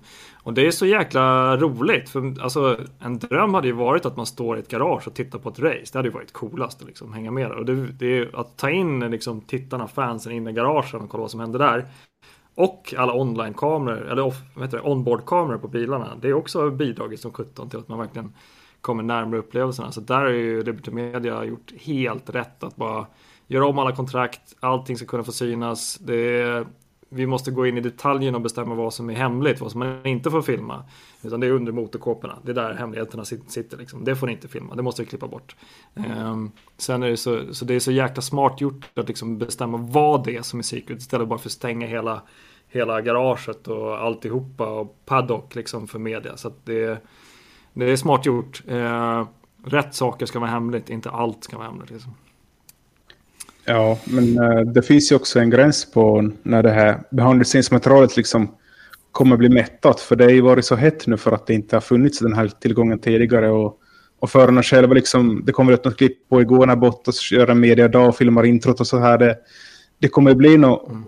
Någon gång måste det liksom folk börja tröttna på det här behandlingsmaterialet också. vad är, vad är liksom nästa grej? Det, det blir intressant att se vad liksom nästa grej att visa blir. Det, jag kan spekulera bara i det och det tror jag, någonting som kommer slå höga tittarsiffror är ju filmen med Hamilton och eh, Brad Pitt som kommer komma ut. Tom Hanks var ju också nosat på någonting sånt där. Så jag tror fortsätta på det tror jag är väldigt, väldigt bra. Att du gör långfilmer om eh, karaktärer. Typ som eh, Rush med Lauda och eh, Hunt.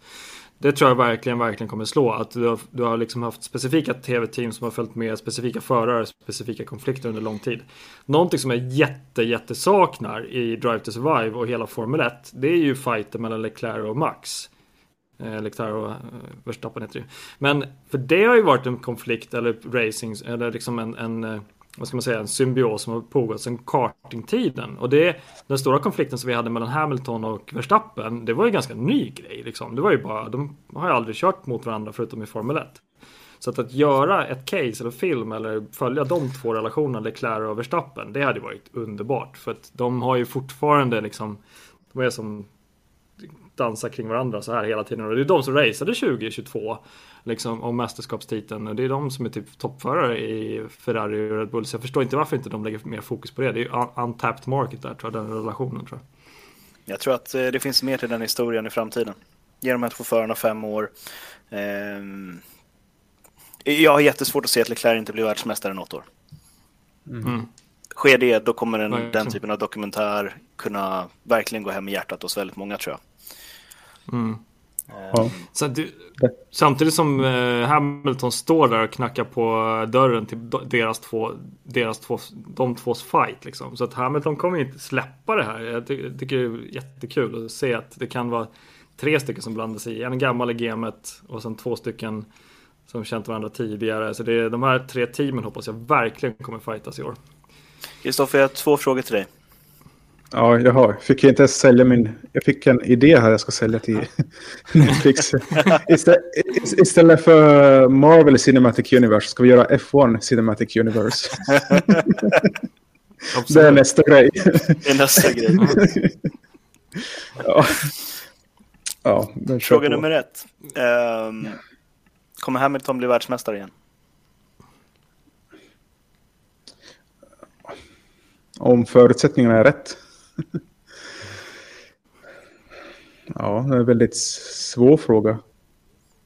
Det är det där jag undrar också. Vad är hans... Eh, han verkar ju ha motivationen ändå att försöka göra det, men... Är han... Eh, väldigt svårt att analysera för han har ju alltid varit i konkurrenskraftiga stall. Och sen när det inte går så bra så känns det som att han, han på något sätt inte ger upp men hans, eh, hans motivation så stagnerar lite. Som under förra året, första halvan så var han ju liksom, det var inte den Hamilton vi är vana att se. Nej. Sen så tände han ju till i andra halvan och där så slog han ju George Russell ganska klart i kval fighterna var det 10 mot 2. Fast George vann ett lopp men ändå liksom på ren pace och de hade slutat liksom försöka få reda på vad bilen kan göra och inte göra. Så var ju Hamilton helt klart snabbast. Så men det kräver ju också att Mercedes eh, ger honom materialet att kunna vinna igen. Får jag kasta in där en, en, eh, en, eh, en reaktion? Tror ni att ja om Mercedes inte får, får ordning på paketet och Lewis Hamilton inte blir nöjd med paketet i år, tror jag han kommer ta Carlos Sainz plats i Ferrari 2024? Alla förare vill få köra för Ferrari, eller vad är det man brukar säga? Han har inte gjort det point. faktiskt. Han har inte gjort det. Och om Ferrari har ett bra motorpaket inför 2024, då undrar jag om han lämnar Toto. Men varför skulle de vilja förstöra dynamiken mellan eh, Sainz och Leclerc? Eh... Och betala 40 miljoner för, för en jättedyr ja. förare. Alltså Sainz kämpade mig veterligen jättemycket för att komma upp i paritet med Leclerc. Um, så det är i sådana fall det. Om det går dåligt under våren för Mercedes och går dåligt under våren för Sainz. Så maybe, maybe. Sorry, jag bryter av din fråga. Vi drar långt avsnitt, men ni får stå ut med det. Det är första avsnittet, vi måste få prata av oss. Ja. Uh, ja. Kör Jonas. Det märks. ja, det är roliga diskussioner.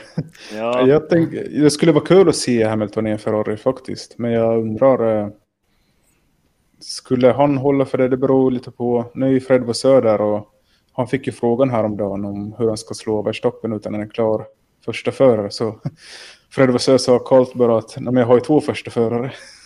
så det var... Standardsvaret när man inte har ja. någon. ja. Så hade du någon till tror... fråga Jonas? Eller? Mm. Mm. Vem vinner VM i år? Mm. Precis, vem vinner i år och vilka konstruktörer på precis samma sekund som jag ställer min fråga? Ja, precis. Ja. Kan, vi kan köra upp den, kanske runda av efter den här frågan och sen ska vi ge folk lite ja. vila för sina öron. Ja, Nej, det blir väl... Äh... Jag tror Verstappen och Red Bull är de ser bäst förberedda ut. Så om jag skulle satsa pengar så skulle det nog vara dem. Tyvärr. Jag vill ju ändå att ska, vi ska ha den här trippelfighten. Men eh, det känns som att Red Bull kommer dra ifrån i början. Sen kanske det blir jämna lopp mot sommaren. Men att eh, Red Bull har för bra övertag då. När vi kommer till den punkten. Så känns det just nu i alla fall. Jag, jag hoppar på den frågan. Ja, jag hoppar på den frågan. Jag, eh, jag tror också Red Bull vinner eh, i år. Jag tror att de har så pass mycket lärt sig under 2022 så att de, jag tror av karaktärsproblemen 2022 var inte så pass mycket av liksom design, koncept, karaktär så som till exempel Merca hade. Eh, Marsa måste ju få upp sitt designkoncept karaktär. Visst, de vann ett, ett, ett race i höstas. Eh, jag tror, eh, jag tror vi kommer börja få nästan prata lite mer om vilken typ av bana passar vilket typ av team och designkoncept. Nu har vi väldigt mycket ground downforce, alltså mark golveffekt. Så att det kanske blir lite jämnare och svårare att spekulera i det. För förut kunde man ju säga liksom, ja men den här Red Bull-bilen har mer rake och det kommer passa bättre på eh, Mon eh, äh, vet det, Monaco till exempel. Eh, men det blir lite svårare. Men ja, absolut, mina, min lågoddsare, men eh, min betting går till Red Bull och Verstappen. Eh, jag tycker också det är intressant att han aldrig, alltså det missade Netflix också i Drive to Survive, när han vann, jag tror det var, jag kommer inte ihåg vilket race. De de porträtterade ju inte ens eh, den här eh, Confusion, vad heter det? Eh, alltså, när han vann så var det lite oklart om han hade vunnit när han kom in i, i, eh, i mål. Så att eh, den här saken missar de också. De filmade liksom bara tröjorna på 2022-vinsten. när Alla sprang runt med Champion 2022. Det var liksom inget festande alls som man porträtterade under Drive to Survive. Så det tror jag är han vill, han vill få det igen, Max Verstappen, en clean win 2023. Um, ehm, så att jag, tror, jag tror de kommer vinna igen. Men sen så Leclerc kommer ju bita sig fast med nålar. Vad tror du Jonas? Jag tror att Red Bull kommer ta konstruktörs-VM i år, men jag tror inte att eh, Verstappen kommer vinna VM. Det är oh. bara mm. Sebastian Vettel som har vunnit tre VM i rad när han tog sitt första VM, sitt andra VM, sitt tredje VM, sen tog han sitt fjärde fyra år i rad. Um, men det är bara han som har gjort det i Formel 1-historien hittills. Uh, det är otroligt ovanligt att du tar tre i rad uh, och, uh, alltså efter att du tagit just ditt första VM. Så bara av liksom, statistiska skäl. Men å andra sidan, den enda gången som det har skett är med Red Bull. Så det, är det någonstans man ska mm. kunna göra det så är det väl där då. Så du menar Perez vinner VM? Kan vara så, alltså, absolut. Men han har inte visat sig vara lika vass som Verstappen. Men eh, jag har svårt att tänka mig att Mercedes inte kan, eh, kan få fart i grejerna på ett annat sätt. Jag är lite osäker på att Hamilton skulle vara den som tar världsmästerskapet i år i så fall. Men jag skulle i så fall tippa, du sticker ut hakan, men säger George Russell eller Leclerc som världsmästare. Mm. Um, men det får vi se. Och med, med, det vi pratade om tidigare, jag menar titta på, på kvalresultaten under förra året, förra året. Ferrari har alltid startat långt fram, de vet vad de har jobbat med för problem. Eh, du rapporterar nu, Kristoffer, om att de har lite samma problem med, med Tirewear över, över längre stintar. Mm. Eh, och, och, vet man om det där från början, det kanske är så att man kanske har fått reda på, på lite bättre strategi som man jobbar runt det, helt enkelt. Och så, okay, vi kan inte köra långa stintar, men då anpassar vi oss efter det då. Eh, ja. Så får vi se. Man har ju bytt eh, personalen där. Han fick ju gå till fabriken, hans gamla chefstrategen, och de har någon ung indier i 30-årsåldern som får ta steget som strateg på plats. Plus, eh, plus att det kommer ett nytt eh, hårdare däck så här är det, är det gamla C2 som blivit C1 och det är inte C1, nå, någonting sånt där. De här hårdare däcken, det kommer användas här i Bahrain som ett liksom, mellanläge mellan gamla medium och hard. Eller ni minns de här, förr hette de ju Ultrasoft, jag vet inte varför de bytte dem till C, C1 till 7 eller vad det är nu. Men eh, så det kan ju hända det också är ett fördel för något stall just det här nya däcket som kommer att användas som är någon kanske chansar på det och gå hem mot för just den här banan i Bahrain så tar mycket på bakdäcket tyckte jag Marcus. Så när han förklarar den här banan så det finns ju ändå liksom någonting att vinna där. Att liksom ta hand om sina däck och kanske spara in på en stint. Mm. Hörrni, det, Vi har lite, det rullar lite fler in... frågor. Ja, förlåt. ja, alltså vi, vi är way over time, men vi kör på tycker jag. Har ni energi ja. att köra på så kör vi. Alltså ni som ja, inte pallar lyssna längre får stänga av helt enkelt. Ja. Um, Fortsätta en annan gång. exakt, det kommer fler poddar. Uh, ska vi ta den första? Uh, ja. Det tycker jag är kul. Tankar kring Aston Martin, Alonso och Strolls chanser i år? Uh, vem vill börja? Bättre än förra året. ja, det, ja, bättre än förra året. Uh, jag, jag hoppar in och försöker skicka, skicka dit en tanke i alla fall. Och det är att eh, det är lite Alonso-effekten på Aston Martin just nu. Alltså Alonso brukar ju snacka upp och snacka ner saker. jag tror han också snackat upp eh, Aston Martin och jag tror också att de har kört lite glory runs för att få till lite publicitet och eh, Alonso vill kunna hoppa in i ett nytt team och visa att det går snabbt. Eh, Stroll, eh, no comments, han får vi se om han kör. De börjar till och med snacka om att Vettel kanske får hoppa in och ta hans plats om inte Stroll blir frisk. Um, jag tror det var Martin Brundle som satt i BBC och pratade om att det faktiskt finns en chans att eh, Vettel kanske kommer tillbaka. Sen om han vill det, uh, om han kommer göra det, det är en helt annan sak. Men Aston Martin, eh, hope for the best, prepare for the worst, säger jag. Ja, det som imponerade med Aston Martin det är ju att de här varvtiden under långstintarna, det är väl det som har gjort att folk uh, hypar upp Aston Martin så mycket. Och Alonso ser ju hungrig ut. Han såg nästan, på presskonferensen såg han nästan undernärd ut. liksom hans eh, kindben så var helt synliga. Speciellt om han sitter bredvid Lando Norris som är lite eh, babyface, om man vågar säga det. Mm. Så det blir liksom väldigt eh, konkret att han har satsat stenhårt på det här och liksom, han är ändå 42 år. Uh, Stroll så kommer inte köra bara in. Och jag tror Saudi också är i riskzonen. I alla fall när jag pratar med hans uh, hjälmkille. För det är ju bara Stroll och Botto som kör med Stilo, italiensk hjälmmärke. Och han trodde att, uh, mm.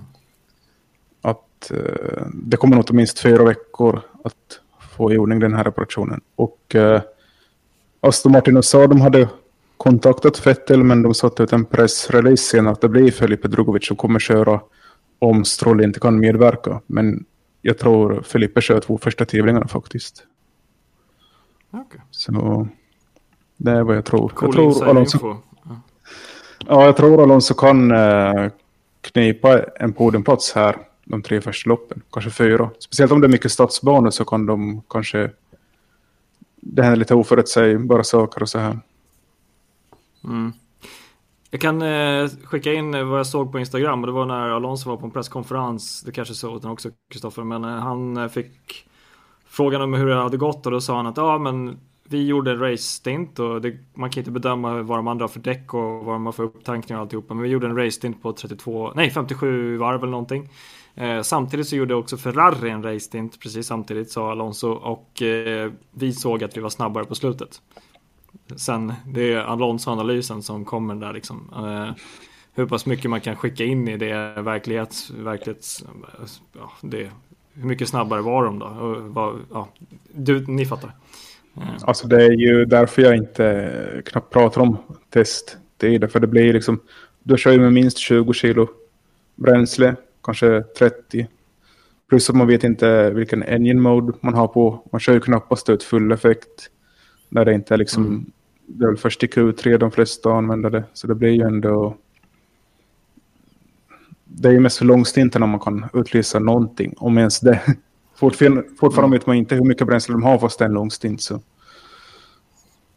Nej, precis. Och man vet inte heller riktigt eh, vad man sparar på och vad man testar heller. Liksom. Ja, men nu provar vi och så tar vi det jättelugnt i början. Ja, vi var snabba i slutet. Ja, men det är väl inte så konstigt. Ni har ju förlorat totalt 20 sekunder över hela stinten på att ni var långsamma i början, bara för att ni sparade. Eh, bara för att ta reda på det. Eh, för man behöver samla datan. Liksom. Ja, det, är, mm. det är ju precis, man ska vara väldigt försiktig med att analysera testerna. Jag hörde något år eh, så pratar man om det att eh, att, jag tror att det var EL som pratade om den som vinner testveckorna, det är den som har kört flest varv.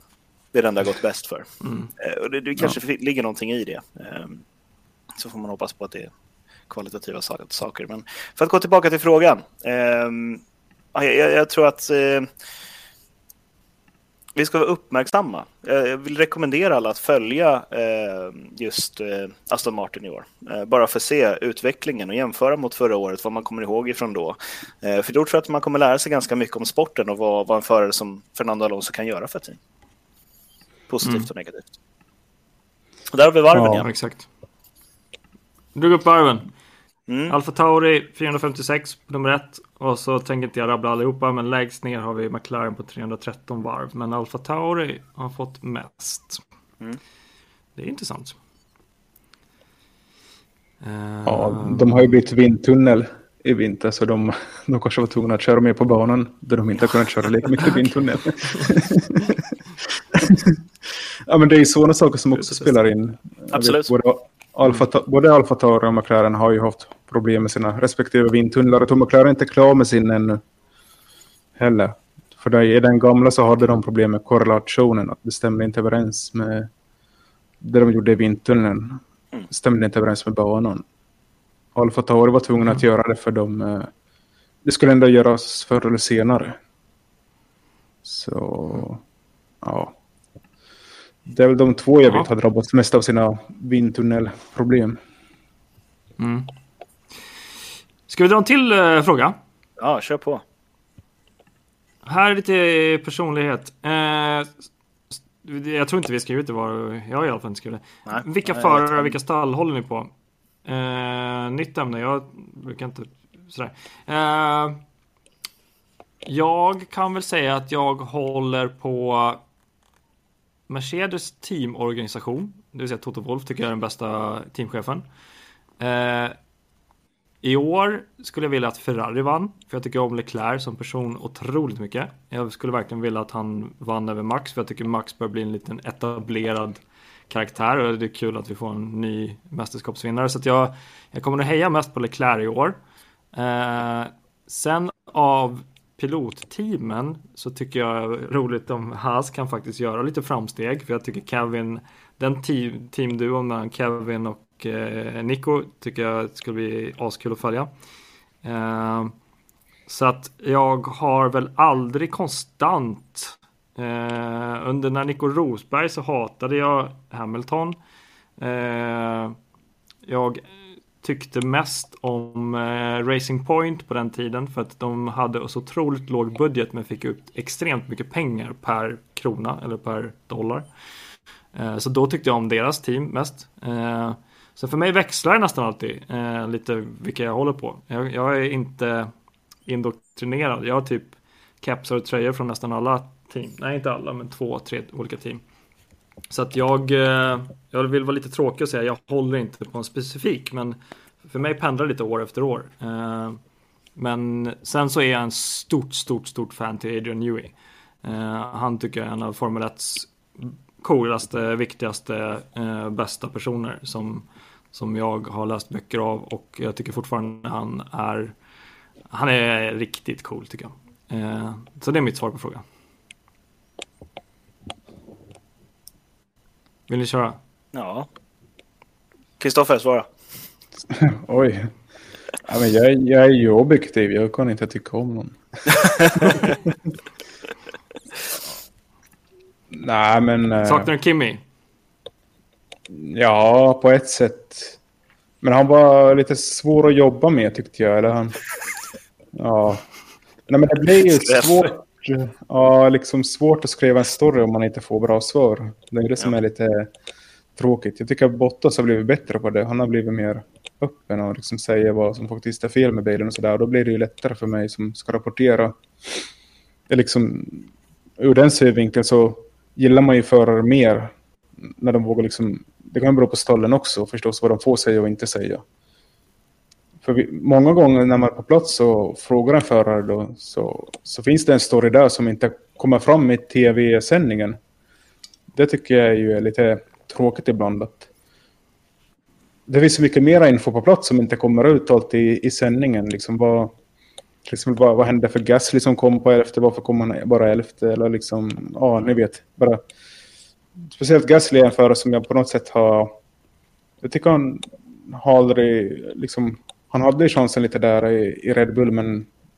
vet inte om han kom in vid fel tillfälle eller vad det var, men jag tror han inte är så dålig som, eh, som han liksom har en bild av att vara ändå. Sen, eh, sen är det många andra, jag måste nog säga jag gillar kanske 15 förare. om man ska börja om man säger så. Liksom på olika sätt ändå.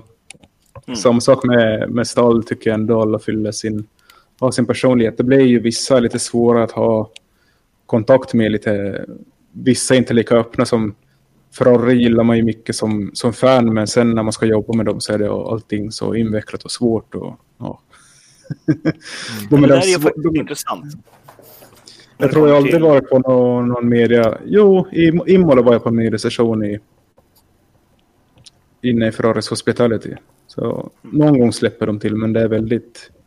De har nog minst att göra med media, tycker känns det som, av alla stall. Mm. Ja, det där är också intressant hur, hur, bilden av ett stall förändras i och med att man jobbar med eller mot dem eh, mm. på det sättet. Um, tycker jag. Det... Verkligen. Man får en helt annan bild. Ja. Vissa hör ju liksom inte ens av sig. Liksom. De flesta lägger upp en sån här lista på liksom, de här tiderna gäller för helgen. De här tiderna kan ni prata med den och den föraren. Mm. Men det är sällan alla tio stall gör det. Vilket är lite tråkigt. Vad betyder det då liksom? Är det, vill ni att inte ska prata, prata med er förare? Vill ni inte ha någon publicitet? Eller vad är, liksom, vad är grejen? Man... Den listan som de lägger upp där som du pratar om. Ja. Vart lägger de upp den någonstans? Är det presscentret som får den informationen? Ja, eller är det... Mm. ja det är presscentret. Tips till alla racerförare där ute. Lämna en lista till presscentret och skriv den här den här tiden får ni gärna komma förbi och prata. Ja, Kanske exakt. sitter en journalist som har tråkigt där ute och vill prata med Ja, absolut. Verkligen. Du Jonas, vågar du? Ja, jo, men jag kan nog ta ställning. Jag hejade på Ferrari sedan jag var liten. Uh, för att det fanns inget annat team som vann uh, när jag var liten. Nej, men min pappa är gammal Ferrari-fan och det har han väl varit sedan 70-talet tror jag. Um, och, um, men ehm, så, så, det har gått i arv, precis som att eh, man är vilket eh, föreningsidrottslag som man hejar på. Eh, men vi följer inte föreningsidrott, min familj följer motorsport. Så var det Ferrari, eh, men i senare år så, så konstruktörsmässigt så eh, hejar jag på Haas och det handlar väldigt mycket om vad Gene Haas har gjort för motorsporten globalt. Alla de serierna som han har involverat sig i, pratar om Veta Supercars, pratar om Indycar, pratar om Nascar, ehm, alla feeder-serierna i USA egentligen. Ehm, har Haas varit med som företag och varit liksom seriesponsor där och liksom sådana här saker. Eh, vansinnig passion för motorsporten. Um, och um, Sen har jag inte riktigt fastnat för någon av förarna som har kört för Haas, tyvärr. Um, sorry om jag kastar er framför bussen allihopa. Uh, uh, förarmässigt så uh, gillar jag Bottas. Jag tycker inte att han fick den chansen att blomma ut eh, i Mercedes. Jag tycker att man har Eh, Eh, pratat ner Bottas väldigt mycket och hans eh, kapacitet som förare under alla år. Tittar vi på hans resultat så är det väldigt få som har så många VM-silver som han har. Ehm, under de åren som han var i, eh, eh, i Mercedes. Och det spelar ingen roll om man bara tittar på F1, du kan titta på vilken sport som helst så är det en vansinnig eh, prestation som han har gjort. Ehm, så det är därför det är kul att se honom i Alfa Romeo får blomma ut lite grann som vi har varit inne på och pratat om här. Eh, hans personlighet kommer fram mer och mer. Eh, lite mycket problem under förra säsongen tycker jag för honom. Så att, eh, ja, men det ska bli långsiktigt kul att se vart han tar vägen någonstans.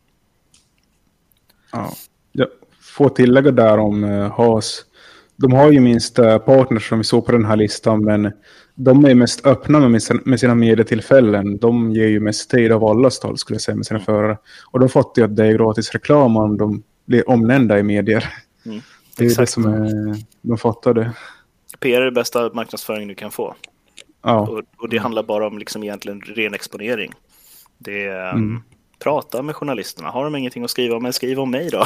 men, ja. uh, det, är, det är inte svårare än så. Och, och jag menar, Eh, bjud gärna journalisterna på, på eh, dina egna stories och sådana där saker. Eh, men bara att säga, okej, okay, men om, om, det inte finns någon tider för någon, om sitter och så går man in i presscentret, okej, okay, men vad är, vilka har tid idag? Så är det bara ha. Så, men det är klart att de kommer få mycket publicitet då.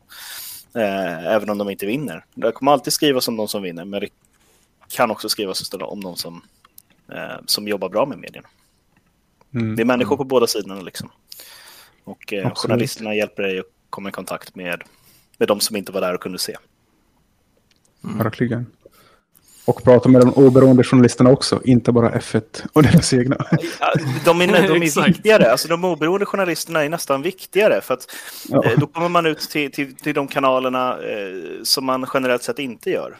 Så så här, ja. okay, men alla öppnar ja. Aftonbladet, Expressen. Men de som öppnar dina medier, som mm. följer dig Kristoffer till exempel, det, det är så här, men Eh, det blir en djupare kontakt med journalister för att journalisten blir lite av en stjärna också för mm. de som är eh, mm. återkommande läsare. Liksom. Ja, verkligen. Vad har du för Instagram och Twitter-handle, Kristoffer? Vi måste få ut, få ut det, tycker jag. Uh, Instagram är kristoffer.lindén. Uh, CH2F. Och Twitter ja. är F1 Kristoffer. Det är en sån där typical. När man jobbar med F1 måste man ha. Exakt. ja, brukar mest uh, länka. Det, alla jobb jag gör så brukar jag länka på Twitter och skriva lite eget ibland. När tillfälle ges. Det känns som, jag vet inte, det är lite svårt på svenska att få traction på Twitter. Så man, men jag vill ju ändå bli, vara liksom den, den svenska F1-journalisten.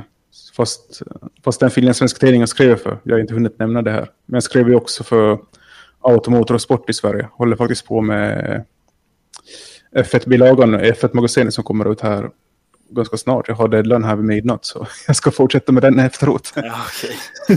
ja, gratulerar Men, eh, ja. Sverige för, eh, för att hitta rätt kille. Det kan jag ju säga. Fantastiskt bra jobbat. Ja, nej men det, det är kul. Det är ju det är svår marknad att ta sig in på det här och sen är det på plats också att liksom kunna, det är som ett steg att komma in i paddocken, sen är nästa steg att liksom bli erkänd i paddocken och liksom folk börjar fatta vem du är och sådana grejer. Så det, det liksom börjar om utmaningen där på något sätt. Mm. Så, ja, ska, eh, för, för, för Sverige som Marcus Eriksson. Ja, Sverige och Norden blir väldigt... Eh, alltså vi är ju jättesmå när vi, när vi är på plats i depån. Liksom, vi är ju liksom knappt en a handful, som man säger på engelska, som pratar eh, svenska. Jag från Norden därifrån, så det blir lite så här. Jag hänger mycket med Fotomånga, brukar morsa på honom alltid när jag ser honom. Och mm. Jan var på plats på testerna, så jag, jag fick prata lite mer med honom. och Det blir ju på något sätt... Eh, och som ni säger, den här brittiska armadan. Det heter ju enligt eh, enligt regeln så ska det finnas en, eh, en fotograf och en journalist per media då, per tidning, publication. Men typ motorsport.com, Autosport, de har ju liksom tre, så har de en, en tidning som heter GP Racing, men de sitter liksom sex journalister på en rad i mediacentret och liksom har en hel armada. Så jag fattar inte liksom, men det är ändå samma, och sen delar de ju material mellan varandra. Så det blir liksom... Och, och då är det ju för vissa sådana här, jag pratar om den här tidtabellen som finns i presscentret, vissa så clashar med varandra så då kan jag inte vara på både liksom hos Alpin, Aston Martin och Alfa Romeo samtidigt. Så man får ju skaffa lite allierade i mediecentret också så man kan dela de här inspelningarna. Mm. Så det, det är inte så det är inte så lätt som och glassigt som det kanske låter att vara på F1 Nej, och jobba det... heller. Mycket jobb och mycket politik jobb. där även i presscentret kan jag förstå. Ja, sen man ska liksom ha, vara vän med rätt personer mm. på något sätt. och, vissa, och vissa är lite så här, vad är, speciellt de här lite som skryter med att de har haft sina 20 säsonger i paddocken så kommer man där och liksom morsar på dem så kanske de tittar åt andra hållet bara. Ja. Ungefär, vem är du?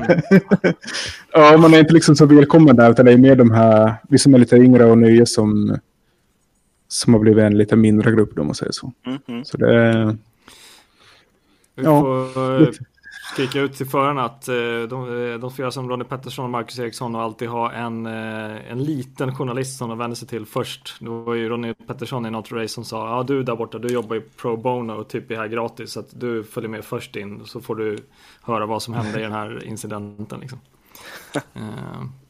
Men vi, på tal om det, vi pratar ju också mycket mellan varandra. Liksom, vad, om man vill veta mer om Alonso går till en spansk journalist. Liksom, eller vill veta mer om någon fransk förare pratar med någon därifrån. Mm. Så på det sättet ändå, om många kommer till mig och frågar om Bottas så det blir ändå... Man samarbetar samtidigt om man inte är konkurrerande medier helt mm. enkelt. Mm. Mm. Ja, det måste ju vara väldigt viktigt då för, för sporten generellt sett att ha återkommande eh, F1-förare från ett och samma land. Jag menar, vi hade Häkkinen, mm. sen kom eh, Räikkönen och sen så Bottas nu, vilket innebär att eh, de finska medierna och journalistkåren, kan man tro i alla fall, eh, har eh, liksom en större bas. Har du många landsmän liksom som, som är där, eller bara du som är ifrån eh, från Finland? Oftast? Det är faktiskt eh, varit dåligt. Dålig närvaro sen Kimmy slutade. Faktiskt. Okay. Ja, Mm. Ja, det är, inte så, det är inte så bra. Jag tror det är när uh, Valtteri bara, bara kör för Alfa Romeo. När han mm. inte liksom... tråkigt nog. Men, uh, men jag tycker också, liksom så här läsarintresset. Det är dels finländsk men också titelfighten vill ju folk läsa om just det här året. När vi hade Verstappen Hamilton, det var ju mer fokus på den än uh, liksom Bottas när jag skrev det året. Mm. För folk ville läsa om det och hitta liksom alla detaljer. Så det blir ju, jag tror det är mera sporten generellt som den nya målgruppen intresserar sig av en, än en specifik föres prestationer. Så för mig blir det alltid en blandning av liksom 50 procent vad händer i själva sporten och sen andra hälften är hur gick det för finsk sida. Mm -hmm. Och eh, i år har vi ju Dino som kommer köra i F3. Det är ju bra för det är ju alltid nära så brukar jag alltid glida in där och prata med de nordiska förarna i supportperioden också. Mm, det är kul att ja, ha lite kontakt med dem. Ja, men det är också viktigt och jag tror att börjar man bygga relationer redan där så följer man med dem på ett annat sätt också. För det är, är det någonstans som den här publiciteten behövs så är det till och med innan F3 egentligen, bara för att få ut ett namn, börja bygga en karaktär, träna sig själv i mediehantering också. Mm. Um, mm. Verkligen, och båda vägar. Det är ju kul att få följa de här förarna när de kommer till F1 också. För det är många som typ Nick DeVries, jag intervjuade honom 2019, Latifi. Det finns ju sådana här som, de kommer kanske inte ihåg det, men man har ju ändå lite så här, men han pratade med för fem år sedan liksom. Mm. Det är ändå kul att de kanske dyker upp någon fler gånger ändå. Mm. Man vet ju aldrig det. Liksom mm. ingen är en... Uh, bara för att man är borta ett år så betyder det inte att man är helt borta. Nej, nej. Mm. Hörrni, vi kan egentligen sitta hela kvällen, hela natten och snacka om vad som har hänt och vad som kommer komma att ske. Jag måste... 1.47, det är bra jobbat. Eh, innan vi avslutar så ska vi bara säga att vi ska kolla på Bahrain i helgen. Det kommer bli superkul. Vi kommer köra en till podcast på måndag. Vi har lite nyheter som kommer komma om gruppen. Vi ska inte spoila för mycket men vi har lite news som vi kommer droppa. Det kommer bli askul. Ehm, men Bahrain som GP, ja, ni har ju sett banan på testerna. Det kommer bli eh, intressant och vi alla sitter som nålar, i alla fall jag. Är det någonting som ni vill säga inför det racet? Vad ni kommer längta efter som mest? det är väl att få um Första racet säger ingenting om resten av säsongen. Eh, men, eh, men just att dra av plåstret, att nu är vi igång igen och liksom komma upp i tempo. Och, eh, det skulle vara kul med en Aston Martin-skräll. Det skulle vara riktigt mm. roligt faktiskt. För det rör om lite grann mm. i förväntningarna och, och, vad som kan hända under säsongen. Kristoffer? Ja, jag tycker ju bara en har blivit lite bättre med åren som, som är vinnare, eller vad man brukar säga. Men uh, det var ju när de började köra kvällstid så blev det mer intressanta lopp just det här med träningarna kördes på olika tider och det var lite mer oförberett och man kanske kunde resa hårdare när det inte var de här extrema temperaturerna. Så det brukar ändå bli rätt bra lopp på något sätt. Sen att de är, de är först på kalendern, det är väl ganska bra för det är inte liksom så att man sitter på nålar och väntar på Bahrains GP. Jämfört med många andra. Nej, kanske inte. Nej, exakt. Utan det, men det är väl ett bra ställe att starta säsongen på. På något sätt så gillar man ju den här Australien liksom jättetid på morgonen. Man, man var liksom tvungen att göra en prestation för att se premiären. Men att, jag, jag, tror det här är mer välkomnande för liksom, den bredare målgruppen att ha ett lite så här eftermiddagskvällslopp. Så, och jag tror väl att det kan bli lite överraskningar i första loppet alltid. Det, någon som liksom prickar fel och någon annan som råkar pricka rätt. Mm. Vet du, jag kommer se fram emot mest vilka bilar är som eh, håller tillförlitligheten. Eh, det kommer jag bli jätte, det kommer jag kolla på mest inför nästa race. Är det någon som får en DNF på grund av tekniskt, eh, tekniskt problem. För det skulle jag vilja se. Nu, nu blir det race trim och lite mer hastighet. De vill skruva på, de vill vinna. De vill komma upp i poäng direkt och eh, Bahrain är ganska varmt. Så vi, jag ska bli jätte, jag vill verkligen se om det är någon som får en DNF och börjar ryka, tappa oljetryck eller någonting sånt där. Så det, det kommer jag hålla span på.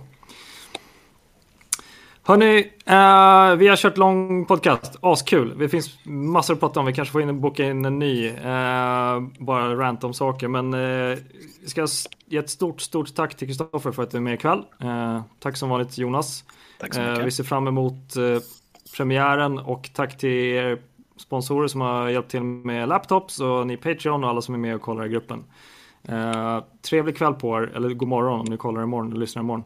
Eh, vi syns och hörs online. Tack Ja. så mycket, hejdå. Ha det gott hörni. Tack för medverkan.